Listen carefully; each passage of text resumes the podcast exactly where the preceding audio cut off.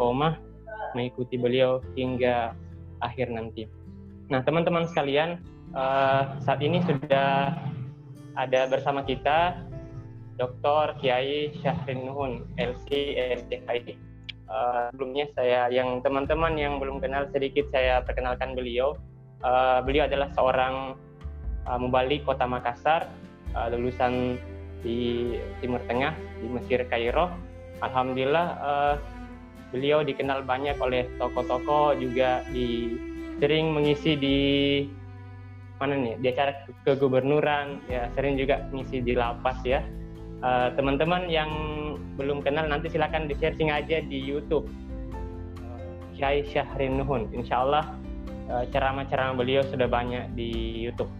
Nah uh, kita sapa dulu kepada uh, saya panggilnya Ustadz aja di Ustadz ya ya uh, bagaimana kabarnya Ustadz Alhamdulillah sehat. Saseri gimana? Ya. Alhamdulillah Ustaz, sehat juga.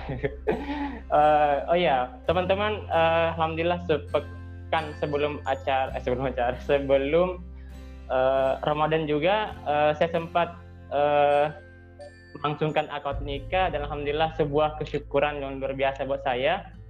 Uh, tausiah pernikahannya itu diisi langsung oleh beliau oleh Ustadz Syahrir Nuhun. Nah, videonya itu masih ada juga di YouTube. Nah, ini bukan iklan, sekedar informasi saja. Nanti silakan dicek di channel vlog dakwah.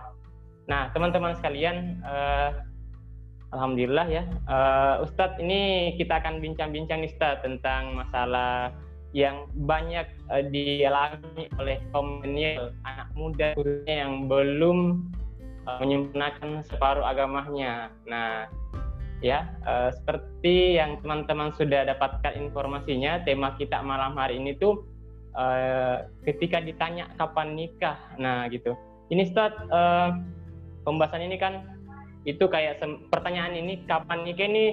Macam pertanyaan yang uh, sebagian orang itu yang bertanya mungkin menganggap sebagai sebuah candaan kalau ketemu sama temannya tapi kita yang ditanya ini start itu semacam uh, apa ya petir begitu ya. Kayak uh, sebagian orang itu merasa dibully Ustaz. Merasa dibully ketika ditanya kapan nikah itu um, menganggap dirinya dibully. Nah sebenarnya Ustaz ini kalau dalam pandangan Islam bagaimana seharusnya kita Ustaz menyikapi pertanyaan seperti ini Ustaz?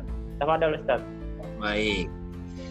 Bismillahirrahmanirrahim Assalamualaikum warahmatullahi wabarakatuh. Waalaikumsalam Alhamdulillah wa syukrulillah wa la hawla wa la quwata illa billah. Wassalatu wassalamu ala rasulillah bihil mustafa wa ala alihi wa ashabihi wa mawalah amma ba'du saya hormati uh, Ustaz Heri selaku host pada acara kita malam hari ini para peserta sekalian yang semoga kita biasa dirahmati, disayangi, dicintai oleh Allah Subhanahu wa taala. Alhamdulillah malam ini kita dikumpulkan, disatukan oleh Allah Subhanahu wa taala meskipun fisik kita, badan kita, raga kita ada di tempat yang uh, berbeda-beda. Namun mudah-mudahan hati kita semua berada dalam satu frekuensi iman yang sama sehingga kita bisa berdialog ya berdiskusi berbincang dengan suasana yang santai tapi tentu tetap dengan adab Islam dan perbincangan kita tetap berlandaskan kepada ayat Al-Quran dan hadis Nabi Shallallahu Alaihi Wasallam. Uh, seperti yang disampaikan tadi uh, acara malam hari ini adalah episode pertama dari Halqa Cinta ya. Uh, cinta itu naluri manusia. Jelaskan sedikit sebelum masuk ke apa yang ditanyakan oleh Ustaz Heri tadi. Cinta itu naluri manusia. Allah yang menanamkan di dalam Al-Quran pada surah Ali Imran ayat yang ke-14 Allah SWT berfirman A'udzubillahi minasyaitonirrajim Zuyina linnas hubbus syahwati minal nisa wal banin wal qanatiril muqantarati minal zahbi wal fitah ila akhiril ayat. Telah dijadikan indah pada diri manusia hub rasa cinta. Hubbus syahwat rasa cinta kepada kesenangan-kesenangan. Minan nisa baik yang berupa rasa cinta kepada wanita wal banin rasa cinta kepada anak seterusnya. Jadi cinta itu adalah naluri yang Allah tanamkan di dalam hati semua manusia. Nah, tentu saja eh, pintu gerbang yang pertama kali yang harus dimasuki ketika kita membicarakan mengenai cinta di antara sesama manusia, apalagi cinta di antara dua manusia yang eh, berbeda jenis, ya, yaitu melalui gerbang jahat maka wajarlah kalau di episode pertama ini mengenai uh, kapan nikah. pertanyaan ini meskipun tidak didasarkan kepada survei ya, tapi saya menduga kuat boleh jadi pertanyaan ini pertanyaan yang paling populer, paling populer, sering ditanyakan kepada eh, generasi-generasi uh, milenial, apalagi yang dipandang sudah mapan dan sudah matang ya sudah berada pada usia yang layak untuk untuk menikah. Ini pertanyaan yang seringlah meskipun e, sebetulnya kalau saya pribadi ini bukan lagi generasi milenial ya. Mungkin generasi transisi lah antara generasi kolonial dengan generasi yang milenial. Ya. Saya melihat yang 20 ya 35 tahun ke bawah masih bisa lah milenial 45 ke atas ya yang kolonial ya tengah-tengahnya itu yang transisi jadi bisa merasakan yang lalu tapi juga bisa memahami apa yang dialami oleh generasi kita saat ini nah berkaitan dengan pertanyaan yang tadi kita harus kembalikan dulu bahwa pertanyaan itu kalau dalam bahasa Arab itu pertanyaan disebut istifham. Pertanyaan itu dua macam. Ada istifham hakiki dan ada istifham majasi. Istifham hakiki itu adalah pertanyaan yang betul-betul bertanya. Bertanya dengan maksud untuk mendapatkan jawaban sesuai dengan isi pertanyaan. Tapi ada juga istifham yang sesungguhnya bukan istifham hakiki, sebatas istifham majasi saja. Saya kasih contoh yang sederhana. Misalnya ada yang bertanya jam berapa sekarang. Nah ini bisa pertanyaan yang majasi. Misalnya ada seseorang yang lupa bawa jam tangannya, tidak bawa HP juga, kemudian dia ada agenda, ada satu kegiatan, dan dia tidak tahu persis uh, jam berapa saat itu lalu dia menanyakan jam berapa sekarang? Itu namanya istifham hakiki. Ya betul betul bertanya. Tapi ada juga uh, istifham yang sifatnya istifham. Majasi yang merupakan kiasan saja. Sesungguhnya tidak betul. Oh ini. Kalimat yang sama yang saya contohkan tadi jam berapa sekarang. Misalnya ada seseorang yang bertamu. Eh, dia bertamu. Karena tuan rumah merasa tamunya ini sudah terlalu lama di rumahnya. Cuman enggak, enggak, enggak, enggak nyaman, merasa enak kalau meminta pulang ya. Atau lebih kasarnya mengusir secara langsung. Maka dia bisa mengajukan satu yang sifatnya majasi, kiasan saja sesungguhnya. Dia bisa menanyakan jam berapa sekarang. Maksudnya sebetulnya bukan aku itu waktu tentang jam tapi maksudnya anda ini sudah terlalu lama bertamu di, di rumah saya pertanyaan yang uh, seperti itu pula nikah itu bisa betul-betul bertanya ya hanya majasi saja ya tidak betul-betul bertanya maka berikanlah respon yang sesuai Kalau orang yang serius, yang sungguh-sungguh bertanya, Anda kapan menikah? Ya, jawablah sesuai dengan pertanyaan tersebut. Kalau belum ada belum ada rencananya. Ya, tapi kalau misalnya hanya istifham dan ada yang sekedar sindiran dan sebagainya, maka berikanlah respon yang seperlunya. Pun hanya senyum saja, nah, atau lebih berkelas lagi kalau kita misalnya menjawab eh, doakan saja, terus kalian bercanda juga, eh, tolong dicarikan lah nah, supaya pertanyaan itu kembali kepada yang yang pertama. Tapi sebetulnya yang jauh lebih penting lagi bahwa di balik pertanyaan itu ada ada pesan yang terkandung di. Ini bagaimana kemampuan kita untuk menangkap makna ya di balik uh, di balik kata, menangkap pesan uh, di pertanyaan. Saya melihat pertanyaan tadi ya nikah itu paling tidak bisa kita lihat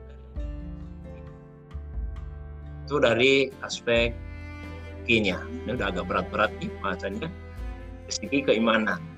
Yang kedua bisa kita lihat dari perspektif. Yang ketiga dari perspektif sosiologi dan di masyarakat. Dan yang keempat itu dari segi psikologi, ya kondisi kejiwaan. Kita bisa memandang dari sebelum saya uh, jelaskan satu-satu ini gimana seseri saya langsung uraikan atau saya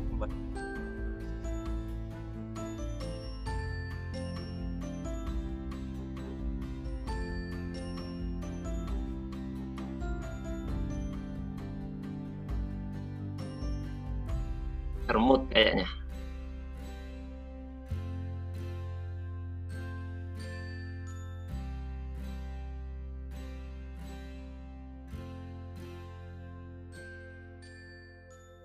Suaranya Heri enggak, Iya, iya, okay. siap, siap.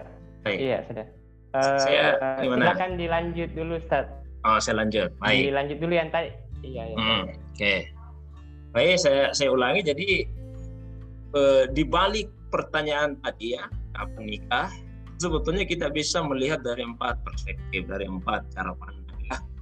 Yang pertama dari segi teologinya, ya. Yang kedua dari segi hukumnya, tiga dari segi sosiologinya dan yang keempat dari segi psikologi ya kejiwaan. Kita mulai yang pertama dari segi eh, teologi. Ya di balik pertanyaan tersebut sesungguhnya ada ada satu eh, keyakinan ya bahwa ini pernikahan sebagai bagian dari rezeki itu adalah eh, takdir eh, ketetapan dari Allah Subhanahu wa taala. Nah, ini sesuai dengan eh, hadis hadis yang diriwayatkan oleh Imam Al Bukhari. Ya di situ disebutkan bahwasanya Rasulullah SAW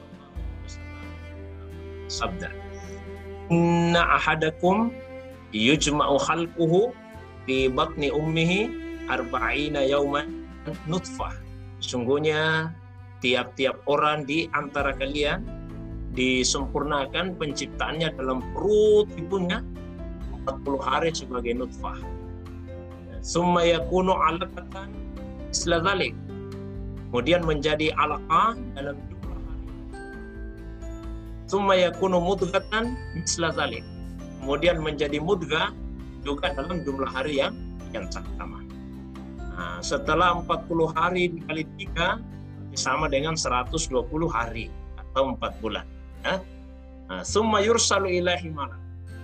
Kemudian diutuslah satu malak. Kalau kita orang Indonesia sebutnya malaikat. Sebetulnya kalau dalam bahasa Arab, kalau baru satu itu belum malaikat, tapi malak namanya.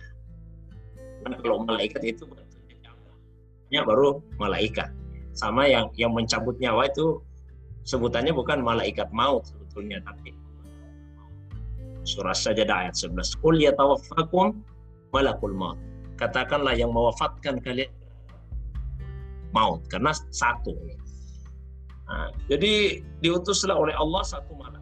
Itu apa? Fayam fihi ruh. Malak itu kemudian meniupkan ruh dalam jasad manusia tersebut Wa yu'mar bi arba'i kalimat. Sekali. Allah tadi diperintah oleh Allah untuk mencatat empat hal. Apa-apa saja itu. Nah, Allah perintahkan. Uktub amalahu. E, catat amalnya. E, wariskahu. Catat rezekinya. Wa ajalahu. Catat ajalnya. Wasaidun au syakiyun. Catat juga. Ini orang nanti akan bahagia, hati akan masuk surga, au syaki atau dia akan masuk masuk neraka. Nanti masuk surga ini atau masuk masuk neraka. Jadi empat hal itu sesungguhnya sudah tercatat di lauh mahfuz. Dan jodoh itu bagian dari bagian dari rezeki. Nah, itu sudah tercatat di sisi Allah Subhanahu wa taala. Tapi penting kita pahami bahwa manusia itu dinilai bukan pada apa yang Allah berikan kepadanya. Tapi manusia itu dinilai usahanya. Betul, jodoh itu sudah Allah tetapkan atas diri kita. Tapi Allah menilai pada usaha kita untuk mendapatkan jodoh dengan cara yang sesuai dengan tuntunan agama, ya, gimana kita mendapatkannya sesuai dengan tuntunan agama. Karena itu silahkan kita berdoa kepada Allah Subhanahu eh, wa taala. Nah, laksanakanlah misalnya sholat hajat, laksanakan sholat istihara, berdoa kepada Allah kalau di hadapan Allah, jujurlah sejujur-jujurnya. Kalau misalnya ada ya, akhwat yang disukai, jujur sejujur-jujurnya, bukan kepada akhwatnya kepada Allah. Ya, atau yang akhwat ada ikhwan yang disukai, jujur sejujur-jujurnya kepada Allah. Tapi kepada manusia, mesti kita belajar untuk menyembunyikan perasaan tersebut. Ya, jangan dibalik. Pada manusia jujur, sampaikan kepada Allah SWT. Lantunkan dalam doa-doa kita misalnya. Baca. Allahumma inni astakhiruka bi'ilmik wa astaqdiruka biqudratik wa as'aluka min fadlikal azim. Ya Allah, saya mohon kepadamu ya, kebaikan sesuai dengan ilmu sesuai dengan ilmu dan saya memohon kepadamu ya Allah kekuatan sesuai dengan kekuatanmu dan saya memohon kepadamu ya Allah karuniamu yang yang agung. Ya, fa innaka taqdir wa la aqdir. Karena sungguh hanya engkau yang kuasa ya Allah. Sementara saya tidak, saya tidak punya kuasa. Wa ta'lam wa la a'lam. Engkau yang maha tahu ya Allah. Saya tidak, punya ilmu apa-apa. Anta alamul ghuyub. Dan engkau lah yang maha mengetahui hal-hal yang yang gaib, hal-hal yang tersembunyi. Nah, baru setelah itu kita berdoa kita minta kepada Allah Subhanahu wa taala minta kepada Allah Subhanahu wa ya fa innaka in ta'lam ya Allah jika menurut ilmumu nah hadzal amra kalau itu misalnya rasa cinta kita kepada seseorang kalau misalnya cinta ini ya Allah akan membawa kebaikan untuk agamaku, duniaku, akhiratku, fakdur huli, takdirkan untuk Allah supaya ditakdirkan. Bukan hanya sekedar minta untuk ditakdirkan. Ya yassir huli mudahkan bagiku ya Allah. Takdirkan kemudian mudahkan. Lalu yang ketiga uh, barik li atau summa barik li fih. Berikan berkah kepada. Tiga ini kita minta kepada Allah. Takdirkan mudahkan dan berkahi karena boleh jadi Allah takdirkan seseorang itu menjadi jodoh bagi kita tapi sayangnya jalannya berliku-liku nggak mudah jadi kita minta kepada Allah tidak hanya sebatas takdirkan supaya diberi kemudahan. Sudah minta untuk ditakdirkan, minta diberi kemudahan. Yang paling penting itu adalah berikan berkah. Berkah itu apa sih? Berkah itu adalah sesuatu yang bisa memberikan nilai lebih. Bagaimana supaya uh, rasa cinta itu memberikan nilai lebih di dalam kehidupan kita. Membawa keburukan jika benar-benar berjodoh dengan seseorang, maka itu memberikan nilai lebih dalam kebaikan kita, bukan justru e, menambah keburukan kita. Sehingga dilanjutkan doa tadi. Dan jika menurut pengetahuan ya Allah, ini akan menjadi buruk bagiku, fasrifni an. Jauhkan saya dari itu. Fasrifu anni. Dan setelah itu kita minta kepada Allah SWT, Waqturhu li al khaira Hai sukana. Takdirkan untuk saya Allah kebaikan di mana pun dia berada. Summa raddini bihi. Kemudian buat saya ridho. Buat saya ridho dengan apa yang menjadi keputusanmu itu ya Allah. Ditaruhlah misalnya perasaan cinta seorang minta kepada Allah. Kalau rasa cinta ini akan membawa keburukan ya Allah hilangkan itu di diri saya. Lalu minta kepada Allah ganti yang lebih baik. Tidak hanya berhenti sampai di situ yang ketiga buat saya ridho dengan apa yang menjadi ya Allah. Karena boleh jadi Allah sudah mengganti dengan yang lebih baik. Usianya. Tidak bisa menerima yang tidak ridho dengan ketetapan Allah Subhanahu wa taala. Jadi di balik pertanyaan nah itu sesungguhnya terkandung pesan adanya ya persoalan teologis bahwa eh, ini jodoh ini eh, takdir nih ketetapan dari Allah SWT. Cuma manusia tentu eh, mesti punya usaha di dalamnya. Dan sekaligus orang yang bertanya sungguh-sungguh bertanya ya, itu dia paham betul bahwa nikah ini adalah bagian dari perintah agama. Hanya ditanyakan kepada yang dipandang sudah mapan dan matang. Sudah memenuhi uh, kriteria untuk uh, memasuki gerbang pernikahan. Apalagi di hadis misalnya riwayat Bukhari ya Rasulullah SAW bersabda ya ma'syar syabab man istata'a minkumul ba'a falyatazawwaj wahai sekalian generasi muda Orang siapa di antara kalian yang uh, punya kemampuan untuk ba'ah. Nanti saya jelaskan apa itu ba'ah. Falyatasawwaj maka menikah. Fa innahu aghaddu lil basar. Karena menikah itu lebih bisa menundukkan pandangan. Wa ahsan lil faraj dan lebih memelihara faraj, lebih memelihara kemaluan. Malam yastati alaihi bisawm kalau misalnya belum punya kemampuan untuk ba'a, maka hendaklah dia berpuasa. Apa itu ba'a? Paling tidak dua penafsiran ulama kita. Yang pertama ada ulama yang menafsirkan ba'a itu adalah al-jima' ya, kemampuan untuk melakukan hubungan seksual. Di siapa yang punya kemampuan untuk melakukan hubungan seksual, sudah punya kemampuan untuk menikahlah. Dan juga yang memahami ba'a itu dalam arti Eh, hal-hal yang berkaitan dengan uh, nafkah dalam pernikahan, terutama rumah. Jadi siapa yang sudah punya kemampuan untuk mempersiapkan rumah atau menafkahi istrinya maka maka menikahlah. Itu dua tafsiran dari ulama kita. Kalau belum sanggup untuk itu, perbanyak puasa, ya perbanyak berpuasa. Jadi ada perintah agama untuk melangsungkan pernikahan tersebut. Nikah itu eh, artinya menyatukan. Beda dengan dengan kawin ya, yang terjemahan dari sawat. Kalau sawat itu artinya menyandingkan, sandingkan. Di dua dua kata ini Arab digunakan di Al-Quran maupun di hadis dengan berbagai derivasinya nikah dengan sawat. Kalau sawat itu artinya bersanding. Ya, saya ibaratkan misalnya sepatu ada sepatu sebelah kanan, ada sepatu kiri, disandingkan itu namanya kawin. Tapi kalau nikah itu artinya menyatu, bukan. Beda itu. Disandingkan dengan kita. Hanya sekedar disandingkan saja kan relatif mudah. Saya itu nikah, karena nikah itu menyatu seperti ini. Disatukan.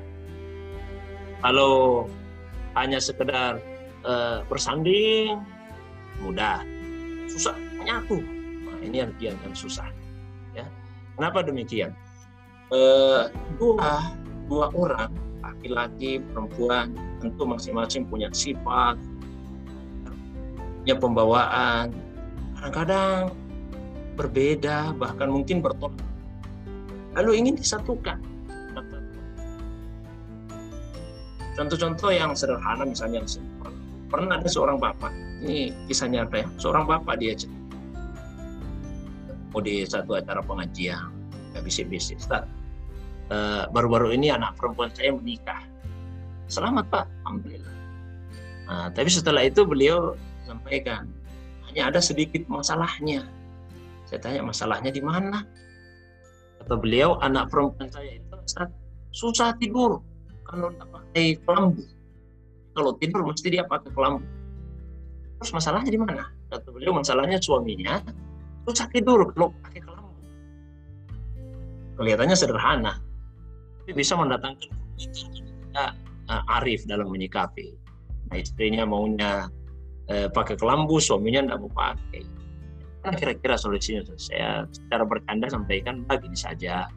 Tidak apa-apa di awal malam anaknya bapak di dalam kelambu suaminya di luar kelambu. Insya Allah seiring dengan berjalannya waktu malam insya Allah kelambunya akan jatuh sendiri itu pak. Apa bapaknya itu jadi perumpamannya bahwa nikah nikah dalam arti tadi menyatukan seperti ini itu yang susah kalau eh, kawin sawat itu hanya sekedar dicangkingkan saja. Tidak ada kesadaran di, di balik pertanyaan tadi. Itu baru segi eh, teologinya ya. Nah, belum lagi yang kedua ini dari segi hukum. Jadi pertanyaan kapan nikah? Pertanyaan kapan nikah itu sebetulnya sesungguhnya seseorang itu sudah boleh dan layak untuk menikah. Beda ini boleh dengan lain. Karena tidak semua yang boleh itu idealnya seperti apa. Kalau e, boleh, ya boleh saja secara hukum artinya tidak ada pelanggaran di dalamnya. Jadi kalau ada yang sering bertanya, apa? Berarti yang bertanya itu merasa bahwa yang saya tanya ini sebetulnya bukan sekedar boleh lagi, tapi sudah layak, sudah ideal untuk untuk menikah. Bisa jadi karena kuliahnya sudah selesai, sudah ada pekerjaannya, penghasilannya sudah tetap, ya dan sebagainya, umurnya juga sudah memenuhi kriteria untuk menikah. Maka muncul pertanyaan seperti itu. Nah, kita lihat salah boleh dan idealnya ini. Uh, untuk kebolehan, jumhur ulama itu sebetulnya tidak ada secara eksplisit, secara sorry, di dalam Al-Quran yang menentukan umur berapa. Tidak ada secara eksplisit itu yang disebut umur berapa. Boleh boleh menikah. Sehingga yang yang belum balik sekalipun, yang belum balik, perempuan yang misalnya belum haid sekalipun, itu dia boleh untuk untuk dinikahi. Nah, itu pendapat mayoritas ulama. Meskipun dia belum balik. Coba kita lihat cara misalnya. Nabi SAW menikahi Aisyah. Aisyah itu umurnya baru 6 tahun, 6-7 tahun. Ya, meskipun kemudian baru e, bergaul dengan Aisyah itu umur 9 tahun.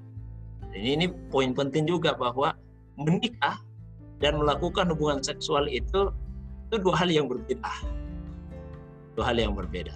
Jadi perempuan boleh dia dinikahi meskipun belum balik, tapi tentu kita harus melihat waktu di mana boleh untuk melakukan hubungan seksual. Ada kesiapan dari perempuan tersebut untuk melakukan hal itu.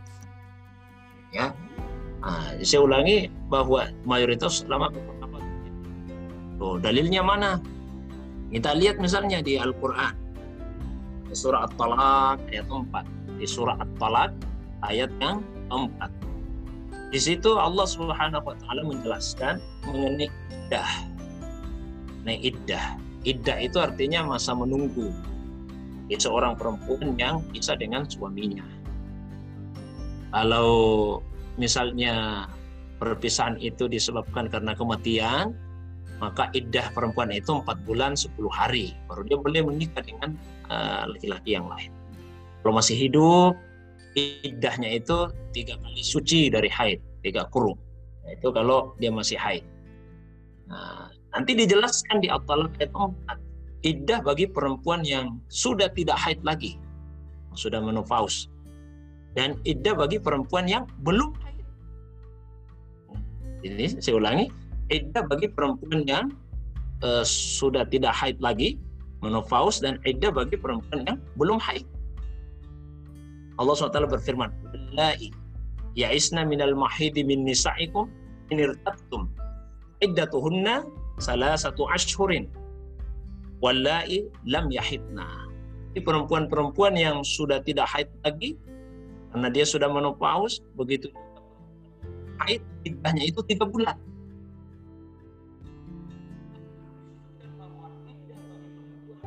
Haid itu tiga bulan, sementara iddah itu sementara iddah itu uh, hanya berlaku bagi perempuan yang pernah menikah. Iddah itu berlaku bagi perempuan yang Berarti itu artinya perempuan yang belum haid itu boleh untuk uh, menikah. Itu dalil dari uh, ulama kita. Sekalipun ada juga sebagian ulama yang mengatakan tidak boleh kalau belum balik. Oh, dasarnya apa? Ya, kita bisa baca misalnya di surah An-Nisa. Allah SWT berfirman, "Wa botalul yatama hatta idza balagun nikah." Wa botalul yatama hatta idza balagun nikah. Dan ujilah anak-anak yatim itu sampai mereka balagu mencapai usia an nikah, usia nikah. Ini ada ada perintah dari Allah untuk menguji anak-anak yatim tersebut sampai mereka mencapai usia, usia pernikahan. Fa in anastum minhum rushdan maka jika kamu merasa ada tanda-tanda kecerdasan pada mereka, pada fa'u ilaihim maka berikanlah kepada mereka harta-hartanya. Jadi di ayat tadi yaitu balagun nikah, mencapai usia nikah dan rushda. Berarti ada usia. Usia yang idealnya yang sepantasnya bagi seseorang itu. Dia boleh menikah. Selain tadi rusda yaitu aspek kecerdasan. Ya. Nah apalagi kalau kita melihat misalnya di negara kita kan ada undang-undang ini. Saya baca undang-undang tentang usia pernikahan itu di undang-undang 16 tahun 2019 itu disebutkan bahwa idealnya laki-laki dan perempuan itu menikah umur 19 tahun. 19 tahun. Jadi ini sebetulnya eh, perubahan dari undang-undang sebelumnya. Ya. tahun eh, nomor satu ya tahun 1990-an itu saya lupa. Itu yang menyatakan bahwa laki-laki yang 19 perempuan 16 jadi setelah eh, ada perubahan maka baik laki-laki maupun perempuan itu disebutkan 19 tahun itu yang dipandang sebagai usia itu ideal malah di BKKBN itu Badan Koordinasi Keluarga Berencana Nasional itu disebutkan umur 21 tahun. Ada juga penelitian orang barat. Tapi hemat saya umur ini adalah sesuatu yang relatif. Karena yang lebih penting adalah kesiapan. Nah, sehingga untuk masalah nikah yang berlaku bukan lebih cepat lebih baik, bukan lebih cepat lebih baik. Tapi yang berlaku adalah lebih siap lebih baik. Bukan lebih cepat lebih baik, tapi lebih siap lebih baik. Karena sekalipun sudah tua, siap-siap maka itu tidak tidak tidak baik. Tapi meskipun masih muda, tapi kalau sudah siap, sehingga mestinya jangan hanya sekedar kita menghindari pertanyaan kalau ditanya kapan anda nikah benar yang penting bagi kita adalah mempersiapkan diri jangan kita menjawab saya belum siap Loh, kalau belum siap ya persiapkan diri kan pasti di, di, dilanjutkan dengan seperti itu apa belum nikah saya belum siap tapi kalau belum siap ya persiapkan diri, masa tidak siap terus. Ya, jadi sekali lagi bukan persoalan lebih cepat lebih baik, tapi lebih siap itu yang yang lebih baik. Nah, sembari itu dalam siapkan diri, maka jagalah kehormatan diri. Eh, ya, jaga kehormatan nah, diri kita. Jangan misalnya tidak mempersiapkan diri untuk pernikahan, tapi tidak menjaga kehormatan diri uh, terjerumus ke dalam pergaulan yang bebas. Apalagi mohon maaf ya, yang akhwat itu mesti benar-benar menjaga uh, kehormatan dirinya. Karena sekali saja melakukan satu kesalahan yang fatal maka sangat sulit ya untuk diperbaiki kembali. Maka sungguh-sungguhlah menjaga kehormatan diri. Apa yang belum dibolehkan oleh agama, jangan kita lakukan, jangan kita melanggar. Ada ungkapan ulama kita itu yang sangat bagus untuk menjadi bahan renungan ungkapan ulama kita. Bunyinya seperti ini. Ya. Eh, man ajjala syai'an man ajjala syai'an qabla ukiba bihirmani. Ungkapan ulama kita. Man ajjala syai'an qabla awanihi ukiba bihirmani.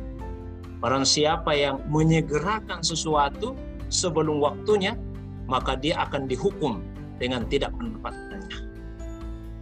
Saya ulangi, barang siapa yang menyerahkan sesuatu sebelum waktunya, maka dia akan dihukum dengan tidak mendapatkannya. Ya, jadi misalnya seorang akhwat belum terikat dalam pernikahan, ada laki-laki yang suka yang dibawa ke sana kemari ke sana kemari kan belum waktunya sebetulnya kalau anda melakukan sesuatu sebelum waktunya maka nanti justru akan dihukum dengan tidak mendapatkannya. Itu tanamkan itu di dalam pikiran kita dalam hati kita. Dengan ajala syai'an qabla awanihi ukiba bihirmanihi. Barang siapa yang menyegerakan sesuatu sebelum waktunya, maka dia akan dihukum dengan tidak mendapat. Nah, tiga perspektif ini eh, dua ya, dua. Apologis hukum. Kemudian yang ketiga, eh, di balik pertanyaan kapan nikah, itu sebetulnya ada eh, persoalan apa namanya sosiologis masyarakat. Artinya masyarakat itu merasa bahwa pernikahan ini bukan masalah personal, bukan masalah pribadi-pribadi saja, tapi ini adalah tanggung jawab sosial. Sehingga keluarga-keluarga apalagi bahkan teman-teman selalu menanyakan sebagai sebuah sugesti, dorongan agar yang ditanya itu segera menikah tersebut. Karena menikah itu sekali lagi bukan hanya sebatas persoalan personal, tapi ini adalah tanggung jawab sosial.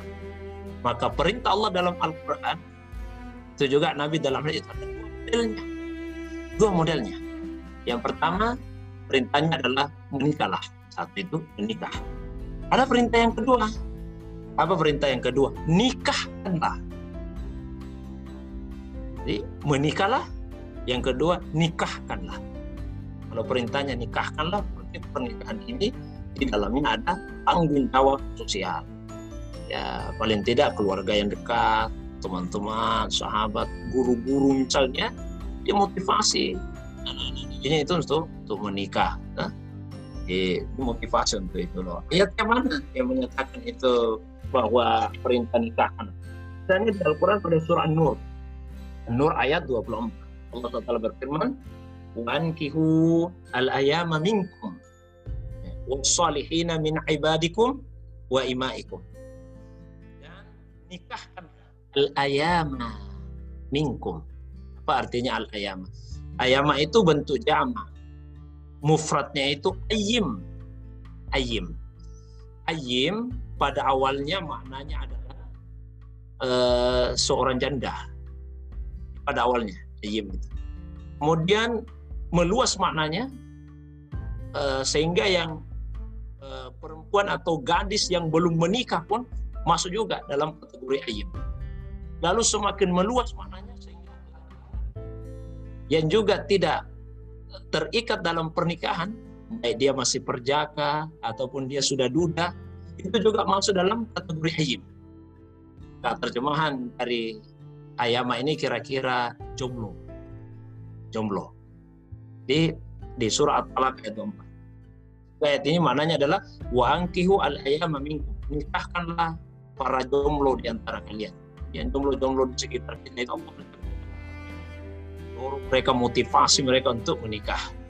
Pertama tentu yang diperintah adalah para wali untuk menikahkan ya, yang dibawa uh, kewaliannya tersebut. Wasolihina, wasolihina min dan orang-orang yang soleh dari budak-budak laki-laki dan budak perempuan kalian. Kata as-solihin as-salihin itu paling tidak dimaknai dua oleh ulama kita. Saya memaknai kata salihin seperti makna yang umum. Saleh itu orang-orang yang soleh, orang-orang yang saleh. Seperti yang diperintahkan oleh Allah, orang-orang yang saleh itu nikahkan. Kenapa seperti itu? Karena jangan sampai kita merasa yang soleh, yang ahli ibadah, tidak usahlah dimotivasi untuk menikah, ya bisa jaga diri, ini persoalan syahwat itu mengenal kesalehan seperti tadi. Meskipun orang soleh, orang yang rajin ibadah, tapi dia tetap punya syahwat. Manusia itu, kalau menurut Imam Al-Ghazali, diberikan oleh Allah akal, kekuatan pikiran. Diberikan oleh Allah kuatul. Diberikan oleh Allah kuatul syahwat, kekuatan syahwat. Tiga potensi ini tidak boleh dimatikan kalau dia dimatikan buruk akibatnya itu. Tiga kekuatan ini juga uh, tidak boleh juga untuk dilepaskan begitu saja. Kalau dia dilepaskan begitu saja, buruk juga Saya bicarakan yang syahwat saja. Syahwat dimatikan kan bahaya. Punah manusia di atas muka bumi ini kalau tapi kalau dibiarkan begitu saja, kita tidak kontrol, kita tidak kendalikan, maka yang bukan milik pun yang tidak halal bagi kita pun kita ingin sentuh. Itu karena tidak mampu menempatkan syahwat secara Orang-orang saleh sesaleh apa? Yusuf alaihissalam pun punya syahwat. Jika dia digoda oleh istri uh, pembesar Mesir, Nabi Yusuf juga tergoda sesungguhnya. Beliau juga punya keinginan yang sama. Tapi Allah yang menjaganya, yang memelihara. Ya, beliau berucap, "Wa ma ubarri'u nafsi, inna nafsa la'ammaratun bisu illa marahim Saya tidak sepenuhnya melepaskan diriku dari kesalahan. Saya ada juga andil saya dalam peristiwa ini. Nah, nafs itu betul-betul menyuruh kepada keburukan. Hanya Allah perintahkan biar orang saleh, biar orang yang saleh dalam ayat ini, biar orang yang saleh udah nikahkan juga mereka, nikahkan orang-orang yang saleh. Kalau orang yang soleh saja yang menjaga dirinya lebih besar, diperintahkan untuk dinikahkan, apalagi nah, apalagi yang tidak soleh-soleh, yang pergaulannya mungkin lebih bebas lagi, yang lebih mudah untuk soalan syahwat, nikahkan juga mereka, nikahkan juga mereka. Nah, itu penafsiran pertama as-salihin.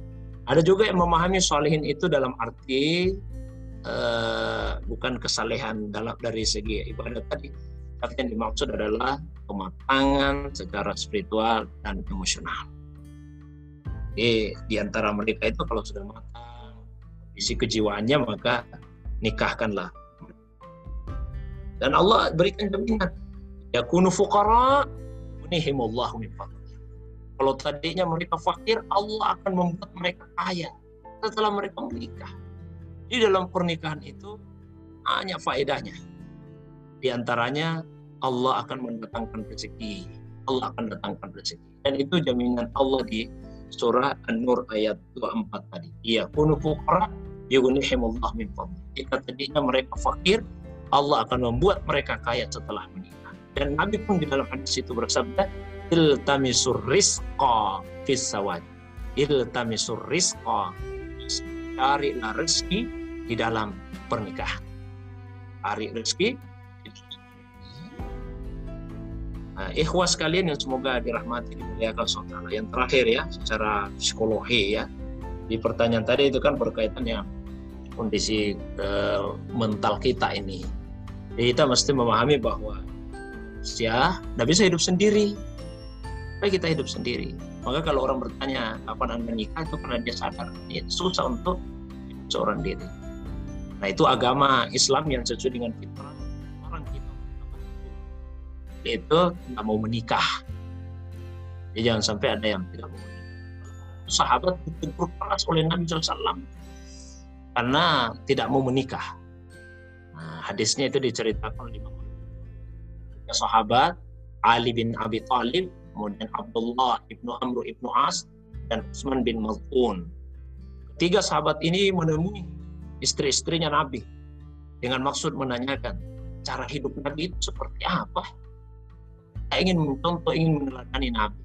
Sudah dapat informasi, tiganya merasa kok ibadahnya Nabi cuma sebegini saja. Kelihatannya kok sedikit. Tapi mereka memaklumi dengan alasan Nabi. Tidak usah terlalu banyak ibadahnya. Masuk surga. Karena dia Nabi. Tapi kita yang bukan Nabi ini pasti lebih sungguh-sungguh lagi, lebih giat lagi ibadahnya. Maka ketika sahabat tadi punya keinginan untuk mengalahkan Rasul dalam aspek yang berbeda-beda. Satu mengatakan, kalau saya nih, saya mau kalahkan salat malamnya Nabi. Saya mau kalahkan salat malamnya Nabi. Saya mau salat sepanjang malam, tidak pernah tidur. Nabi kan masih tidur, saya tidak akan tidur. Yang kedua, ingin mengalahkan puasanya Nabi.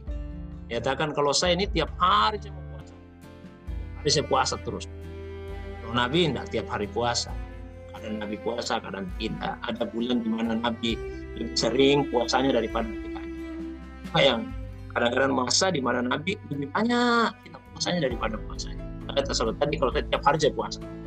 Lalu sahabat yang ketiga berkata kalau saya dari segi pengendalian sahwatnya.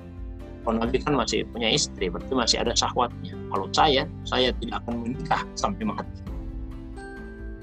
Begitu Rasulullah mendengar, langsung beliau datangi sahabat tadi. Tanya, antumul ladzina qultum kadza wa kadza. Riwayat yang lain, antumul ladzina taquluna kadza wa kadza. Kalian yang mengatakan begini dan begini. Lalu na'am ya Rasulullah. Benar kami yang berkata begitu ya Rasulullah.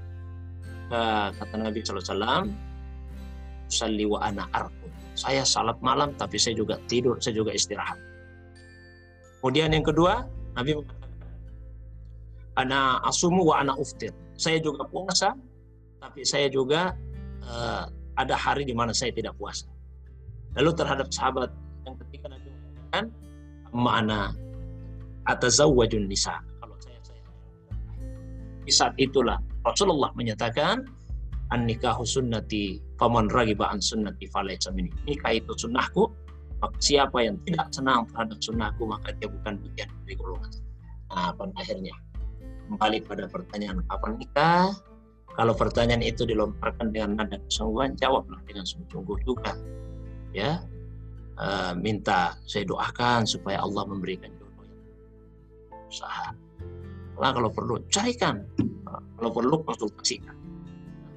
Tapi kalau pertanyaan itu sifatnya majasi saja, maka berikanlah respon yang yang seperlu. Barangkali itu pengantar dari saya, mudah-mudahan ya saya kembalikan pada Ustaz Eri Al-Fatihah. Demikian, Assalamualaikum warahmatullahi wabarakatuh. Waalaikumsalam warahmatullahi wabarakatuh. Jazakallah khair Ustadz atas materi pengantarnya dalam uh, program Halako Cinta kita pada malam hari ini.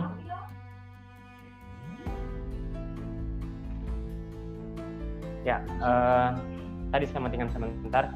Ya, teman-teman sekalian, itulah sedikit pengantar uh, dari tema kita malam hari ini, yaitu jika ditanya kapan nikah. Nah, tadi uh, poin pentingnya ada beberapa hal. Yang pertama, uh, tadi pengantarnya Ustadz jelaskan bahwa cinta itu adalah fitrah yang di mana Allah telah karuniakan, titipkan kepada manusia.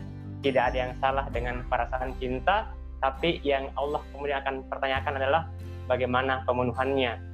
Maka Allah Subhanahu wa taala mensyariatkan pernikahan agar cinta itu benar jalannya. Terkait pertanyaan kapan nikah, uh, tadi dijelaskan bahwa uh, pertanyaan itu dari kata istifham, maknanya itu ada dua, bisa dimaknai secara majasi dan uh, hakiki. Kalau majasi itu artinya hiasan, sekedar uh, bukan maksud yang diinginkan sebenarnya. Ya. Kalau hakiki betul-betul ingin tahu. Nah, teman-teman uh, sekalian yang dirahmati Allah, uh, sebelum kita buka sesi sharing tanya jawab nih dengan Ustadz ya, ini kita akan memanfaatkan waktu ini dengan sebaik-baiknya. Uh, mungkin ini dari saya pribadi Ustadz ya. Yeah, sedikit ada ya ada pertanyaan yang uh, sebenarnya ini juga sudah lama pengen saya tanyakan tentang ya, hukumnya ya uh, jadi uh, begini Ustadz hmm. nah ini uh, sebenarnya ini pertanyaannya uh, terkait tentang orang yang sering bertanya kepada kita misalnya tentang kapan nikah yang sebenarnya sudah sering kita jawab kalau saya misalnya ini pengalaman sebenarnya pengalaman. Uh, dan juga banyak yang lainnya ya. Uh, pertama kali kita sudah jelaskan atau kita sudah informasikan ke teman-teman dekat misalnya bahwa insya Allah saya akan nikah setelah uh, selesai kuliah atau di tahun sekian atau di usia sekian. Nah tapi kadang kalau lagi kumpul-kumpul tuh tiba-tiba ya biasalah anak-anak muda itu kalau kumpul ya nggak jauh pembahasannya dengan nikah. Uh, tak terkecuali dengan kaum uh, akhwat juga demikian. Nah sering ditanya lagi tuh, eh antum kapan nikah begitu ya atau antum kapan nyusul gitu nah ini pertanyaan ini sebenarnya uh, lebih ke, kepada membuli begitu uh, membuat yeah. kita tuh merasa kayak malu sehingga uh, kadang sebagian orang merasa uh, hanya menghindari pertemuan dengan teman-temannya itu karena merasa khawatir kalau ketemu lagi pasti ditanya lagi tuh kapan nikah. Dan itu bagi sebagian orang menganggap yang bertanya ini menganggap ini sebagai tapi yang orang yang ditanya ini merasa itu dibully sehingga ada rasa mengganjal begitu. Ah saya merasa tidak enak sering kayak begitu sekali-kali nggak pertanyaan di, uh, ini buat teman-teman semuanya. Mungkin berikutnya pertanyaan kapan nikah itu tidak tidak produktif kurang ya. Sebaiknya bertanya apa yang saya bisa bantu agar anda segera menikah? Itu kayaknya lebih baik. Nah itu tadi pertanyaannya bagaimana hukumnya kalau uh, pertanyaan itu sudah sering berulang sehingga orang yang ditanya itu merasa sakit hati? Nanti bagaimana Ustaz? Tafadol. Baik, siap, baik. Yang saya banyak uraikan dalam pengantar tadi dalam adalah uh, sikap ya dari orang yang ditanya. Nah, bagaimana ketika kita ditanya? Sekarang yang ditanyakan Ustaz ya. dari dari sisi yang kedua, dari sisi orang yang bertanya, sebetulnya hukumnya bagaimana? Ya. Di hadis Rasulullah SAW bersabda, Muslimu man salimal muslimun min lisanihi wa yadihi. Orang Islam yang sejati, yang sempurna keislamannya itu adalah orang Islam yang uh, mampu menyelamatkan orang Islam lainnya dari lisan, dari lisan dan tangannya. Artinya seorang muslim yang hakiki, muslim yang sejati, lisannya, ucapan yang keluar dari lisan itu mesti menenteramkan, menyejukkan, ya, mendamaikan, menyelamatkan yang mendengar. Tidak mendatangkan dan sebagainya. Ditambah lagi Rasulullah SAW menyatakan dalam sebuah hadis yang lain bahwa seburuk-buruk e, manusia kedudukannya nanti yaitu seorang yang dihindari oleh orang lain karena merasa kalau dekat-dekat dia akan e, terkena sesuatu yang buruk. Nah, oleh karena itu biasakanlah supaya kita itu yang yang produktif lah, pertanyaan kita itu yang bermanfaat untuk orang yang ditanya. Bukankah ciri seorang muslim seperti disebut dalam hadis, "Man kana yu'minu billahi wal yawmil akhir falyaqul khaira aw liyasmut." Orang siapa yang benar-benar beriman akhir, maka hendaklah ucapannya yang baik. Kalau tidak bisa mengucapkan yang baik, lebih baik dia diam. Ucapan ini umum termasuk pertanyaan. Jadi kalau kita mengajukan pertanyaan, usahakan pertanyaan yang membuat orang dekat dengan Allah SWT, membuat dia termotivasi kepada kebaikan.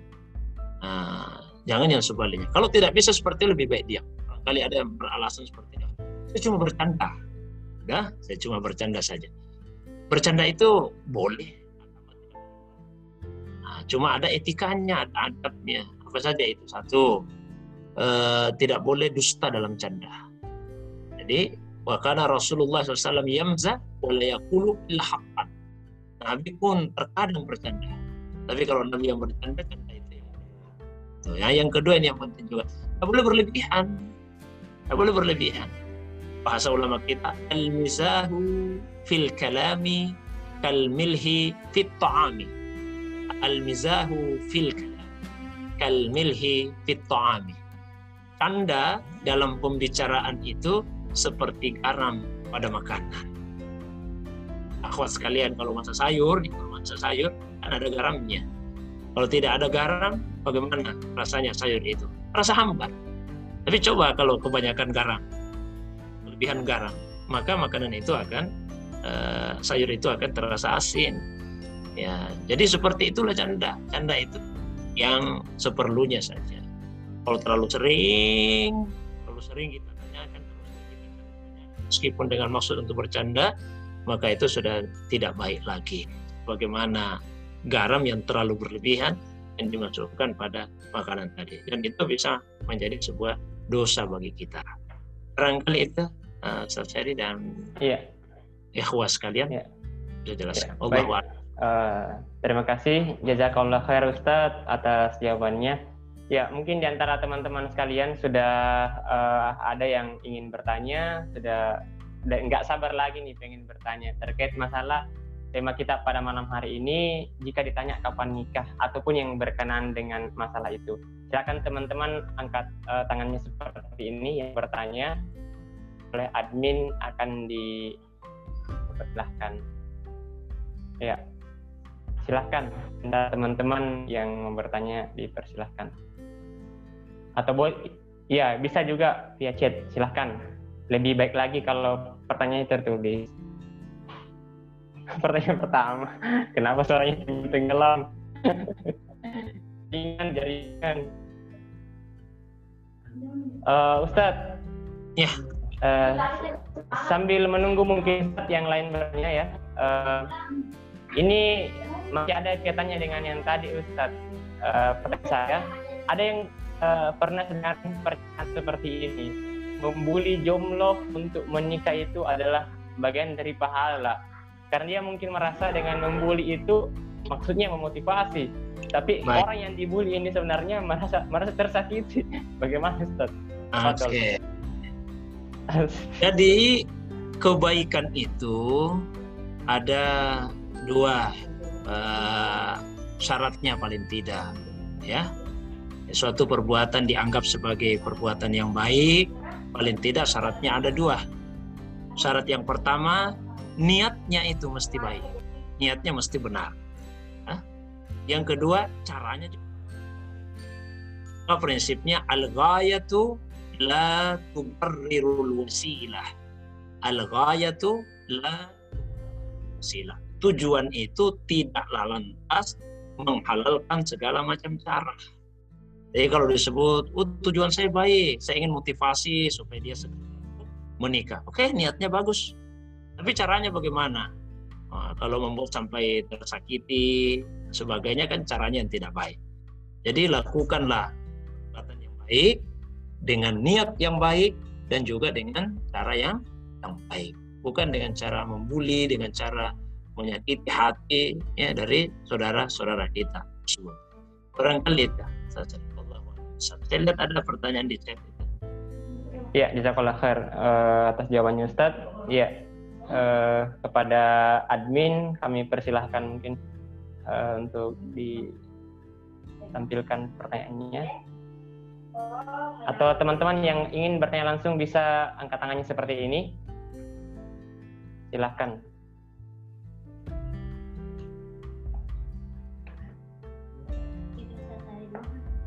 kedengaran suaranya iya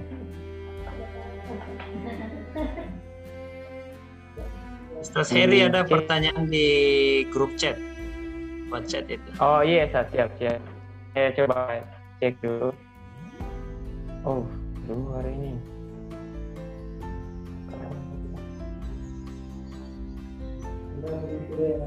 Oh, baik.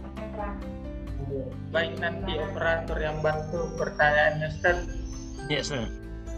Iya. Bismillah. Tanya Ustaz, pertama Afwan, karena tadi suara Ustaz tenggelam, jadi mau memperjelas hadis yang tadi bahwa barang siapa yang menyegerakan sesuatu ya, maka dia tidak akan mendapatkannya. Maksud mendapatkannya di sini Ya, saya Ustaz, bisa uh, bisa dimengerti, bisa dimengerti. Bisa, ya. Oke. Baik. Iya. Uh, yang pertama ya, yang saya sampaikan tadi bukan hadis, bukan hadis yeah. Nabi SAW, tapi itu uh, ungkapan dari kaul ulama.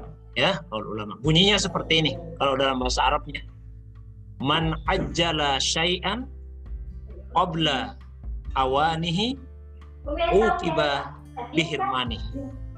Barang siapa yang menyegerakan sesuatu sebelum waktunya, maka dia akan dihukum dengan tidak mendapatkannya. Nah, kalau dalam konteks seperti ini ya, eh, pertanyaannya, misalnya ada seorang laki-laki melakukan hubungan di luar nikah dengan seorang perempuan. Lalu kemudian setelah itu mereka malah ditanyakan, oh, malah dia mendapatkan karena setelah melakukan itu justru nikah. Sebetulnya pernikahan itu kan bukan merupakan tujuan utamanya. Pasti ada uh, tujuan yang lebih hakiki yang dia kehendaki. Pernikahan itu adalah wasilah, adalah cara. Ini juga penting bagi kita yang kita harapkan terwujud di dalam uh, pernikahan tersebut. Kalau menikah itu ada yang karena ingin punya anak, tidak salah karena Nabi sampaikan dalam hadis tazawwaju al-wadud al-walud fa inni mukasir bikumul umam. Nikahlah kalian seorang perempuan yang wadud yang punya sifat kasih sayang tidak cukup hanya punya sifat kasih sayang tapi juga walud walud itu subur gimana cara mengetahuinya tanya dengan melihat uh, background keluarganya kalau dia berasal dari keluarga besar, biasanya juga nanti dia akan melahirkan uh, banyak anak. Tapi jangan sampai kemudian ada yang tidak mau menikah dengan anak tunggal ya. Ya kan ini hanya satu satu sisi saja. Jadi sampai nyampe Nabi menikahlah dengan perempuan yang punya sifat kasih sayang, kemudian subur. Ya. Ada juga orang yang menikah itu karena uh, ingin supaya kalau perempuan dia menikah ditanya kenapa anda menikah? supaya ada yang antar saya ke sana kemari. Orang kan dia inginkan itu supaya bisa diantar ke sana kemari. Atau laki-laki ditanya, kenapa anda mau menikah? Supaya ada yang masakkan saya di rumah dan sebagainya. Nah, sebetulnya tujuan-tujuan ini mestinya tujuan utama kita itu adalah untuk mendapatkan keridoannya Allah Subhanahu wa taala. Menjadi sarana bagi kita untuk semakin dekat dengan Allah. Kalau ada yang menikah dengan tujuan utama untuk nanti kalau dia menikah ternyata Allah tidak karuniakan anak dia akan kecewa karena itu yang dia jadikan sebagai tujuan utama kalau ada seorang laki-laki yang menikah hanya karena ingin supaya ada yang memasakkan dia di rumah menemani dia di rumah ya mencucikan pakaian dan sebagainya kalau seperti itu dia akan kecewa sebaliknya ada seorang perempuan yang ingin menikah supaya ada yang mengantar ke sana kemari ternyata kemudian suaminya tidak bisa Jadi begitu susuran itu menikah dengan tujuan utama liibtigha'i mardatillah untuk mendapatkan ridhanya Allah, dia jadikan sarana untuk dekat dengan Allah. Nah, dia tidak akan pernah kecewa. Apa pun keadaan suaminya, apa pun keadaan istrinya, dia akan jadikan itu sarana dekat dengan Allah. Kalau sesuai dengan yang diharapkan, dia akan bersyukur dia dekat dengan Allah. Kalau ada pada diri istrinya, ada pada diri suaminya tidak sesuai dengan diharapkan, dia mampu bersabar. Dengan kesabarannya itu tetap akan membuat dia dekat dengan Allah dan mendapatkan keridhaan. Jadi dia tidak akan pernah merasa kecewa kalau itu yang dijadikan sebagai tujuan utama. Sama dengan pertanyaan ini. Jadi seorang laki-laki dia menjalin hubungan dengan perempuan sebelum menikah, kan tentu ada yang diharapkan. Dan sekedar mau menikahi saja. Nah, kalau dia melakukan itu dengan cara yang tidak benar, dia ingin memperoleh sesuatu sebelum waktunya, dia akan dihukum oleh Allah. Apa yang dia inginkan itu, justru kemudian dia tidak akan dapatkan, dia tidak akan. Mungkin ada seorang perempuan, dia betul-betul yakin sudah laki-laki yang terbaik saya, ya kehidupannya mapan, dia akan mampu membiayai kehidupannya dan sebagainya. Akhirnya sebelum waktunya dia melakukan hubungan seperti yang ditanyakan, nanti dalam pernikahan Allah akan menghukumnya dengan tidak mendapatkan apa sehingga dia melakukan perbuatan yang dilarang oleh Allah Subhanahu wa taala tersebut. Jadi sekali lagi lakukan sesuatu sebelum waktu yang dibolehkan oleh Allah SWT. Sabarlah. Insya Allah Allah Subhanahu wa taala uh, akan memberikan kepada kita sesuai dengan waktu yang tepat menurut ilmu dan iradah. Allahu alam. Ya, baik. Jazakallah Ustaz atas jawabannya. Ya, ini ada pertanyaan berikutnya Ustaz. Ya. Uh, tentang uh, ini seorang ahwat yang kemudian uh, lagi kuliah dilamar oleh seorang ikhwan dan dia menyampaikan uh, kehiwannya misalnya untuk menunggu menunggu satu tahun lagi karena sekarang baru semester 6. Jadi bagaimana hukumnya meminta si ikhwan untuk menunggu? Nah, kemudian yang berikutnya Ustadz ini masih lanjutan bagaimana hukumnya kalau menolak lamaran ikhwan uh, berkali-kali. Nah mungkin ini uh, juga uh, tambahan dari saya Ustadz. Uh, yeah. Sebagaimana dalam sebuah hadis sebagaimana dalam sebuah hadis disebutkan bahwa jika ada kepadamu laki-laki yang kau ridhoi agama dan ahlaknya, maka nikahkanlah. Karena jika engkau tidak menikahkannya, maka akan terjadi fitnah. Nah, uh, terus ini uh, alasannya si awat ini sampai berkali-kali karena ada alasan yang misalnya masih lanjut pendidikan atau hmm. orang tuanya sakit Nah, bagaimana kalau misalnya nggak ada juga alasan yang syar'i, tapi dia memang masih menunda pernikahannya, mungkin pengen uh, ngejar karir dan seterusnya. Uh, ada Ustaz. Baik. Uh, tadi Ustaz Heri sudah bacakan ya terjemahan dari hadis Nabi Shallallahu Alaihi Wasallam. Nabi SAW pernah bersabda, "Idza atakum man tardawna dinahu wa khuluquhu fazawijuhu." Apabila datang kepada kalian seorang laki-laki tardawna dinahu yang kalian ridhoi, kalian sukai agamanya, wa khuluquhu dan kalian sukai akhlaknya. Fazawijuhu. Terima lamarannya.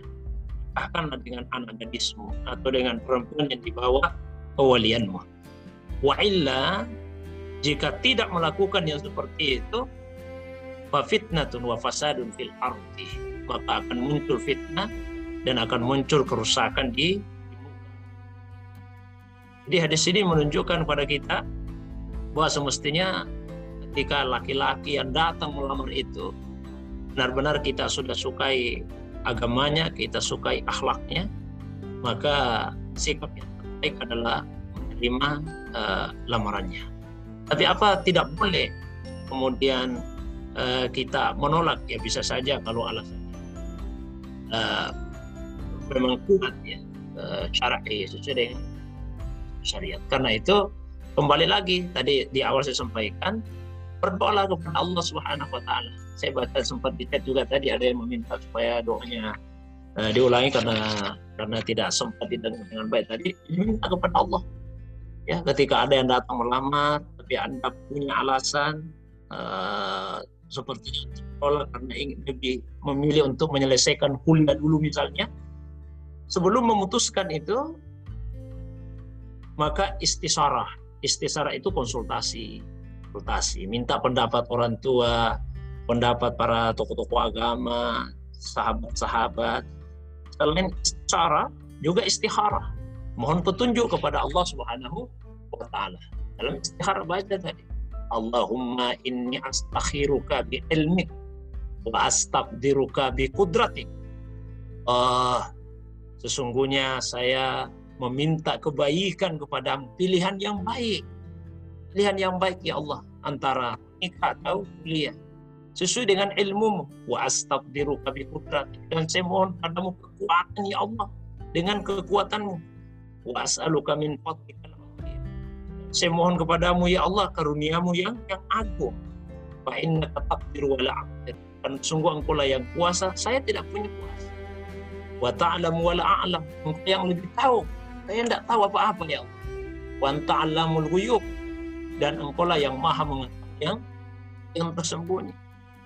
Allahumma ya Allah ya, in kunta ta'lam. Jika ilmumu nah hadzal amra bahwa urusan ini ya khairun baik. Lidini untuk agamaku ya, begitu juga ajili wa ajili duniaku akhiratku tirkan untukku wa kuli mudahkan bagiku ya. summa barik lifi lalu berkahi saya kita minta kepada Allah nanti ada kelanjutannya tadi ya sampaikan itu jadi minta kepada Allah mana yang lebih baik menerima lamaran itu atau kemudian uh, tetap melanjutkan kuliah. Nah, kalau Allah sudah memberikan jawaban, jawaban itu tidak harus lewat mimpi. Karena pernah juga ada yang tanyakan ke Ustaz, saya sudah berkali-kali salat istihara, kok tidak mimpi-mimpi juga? Ya, memang jawabannya tidak mesti lewat mimpi. Jawaban dari Allah itu dalam bentuk ketetapan hati. Adanya kan ragu-ragu ini, ya ragu-ragu antara menikah, diterima lamaran itu, tahu lanjut kuliah dulu, ragu-ragu. Tapi setelah istihara, Allah menetapkan hati, terima lamaran itu sudah petunjuk dari Allah. Itu sebaliknya, setelah istihara, Allah, Allah menetapkan hati untuk kuliah saja dulu. Sudah petunjuk dari Allah Subhanahu wa taala.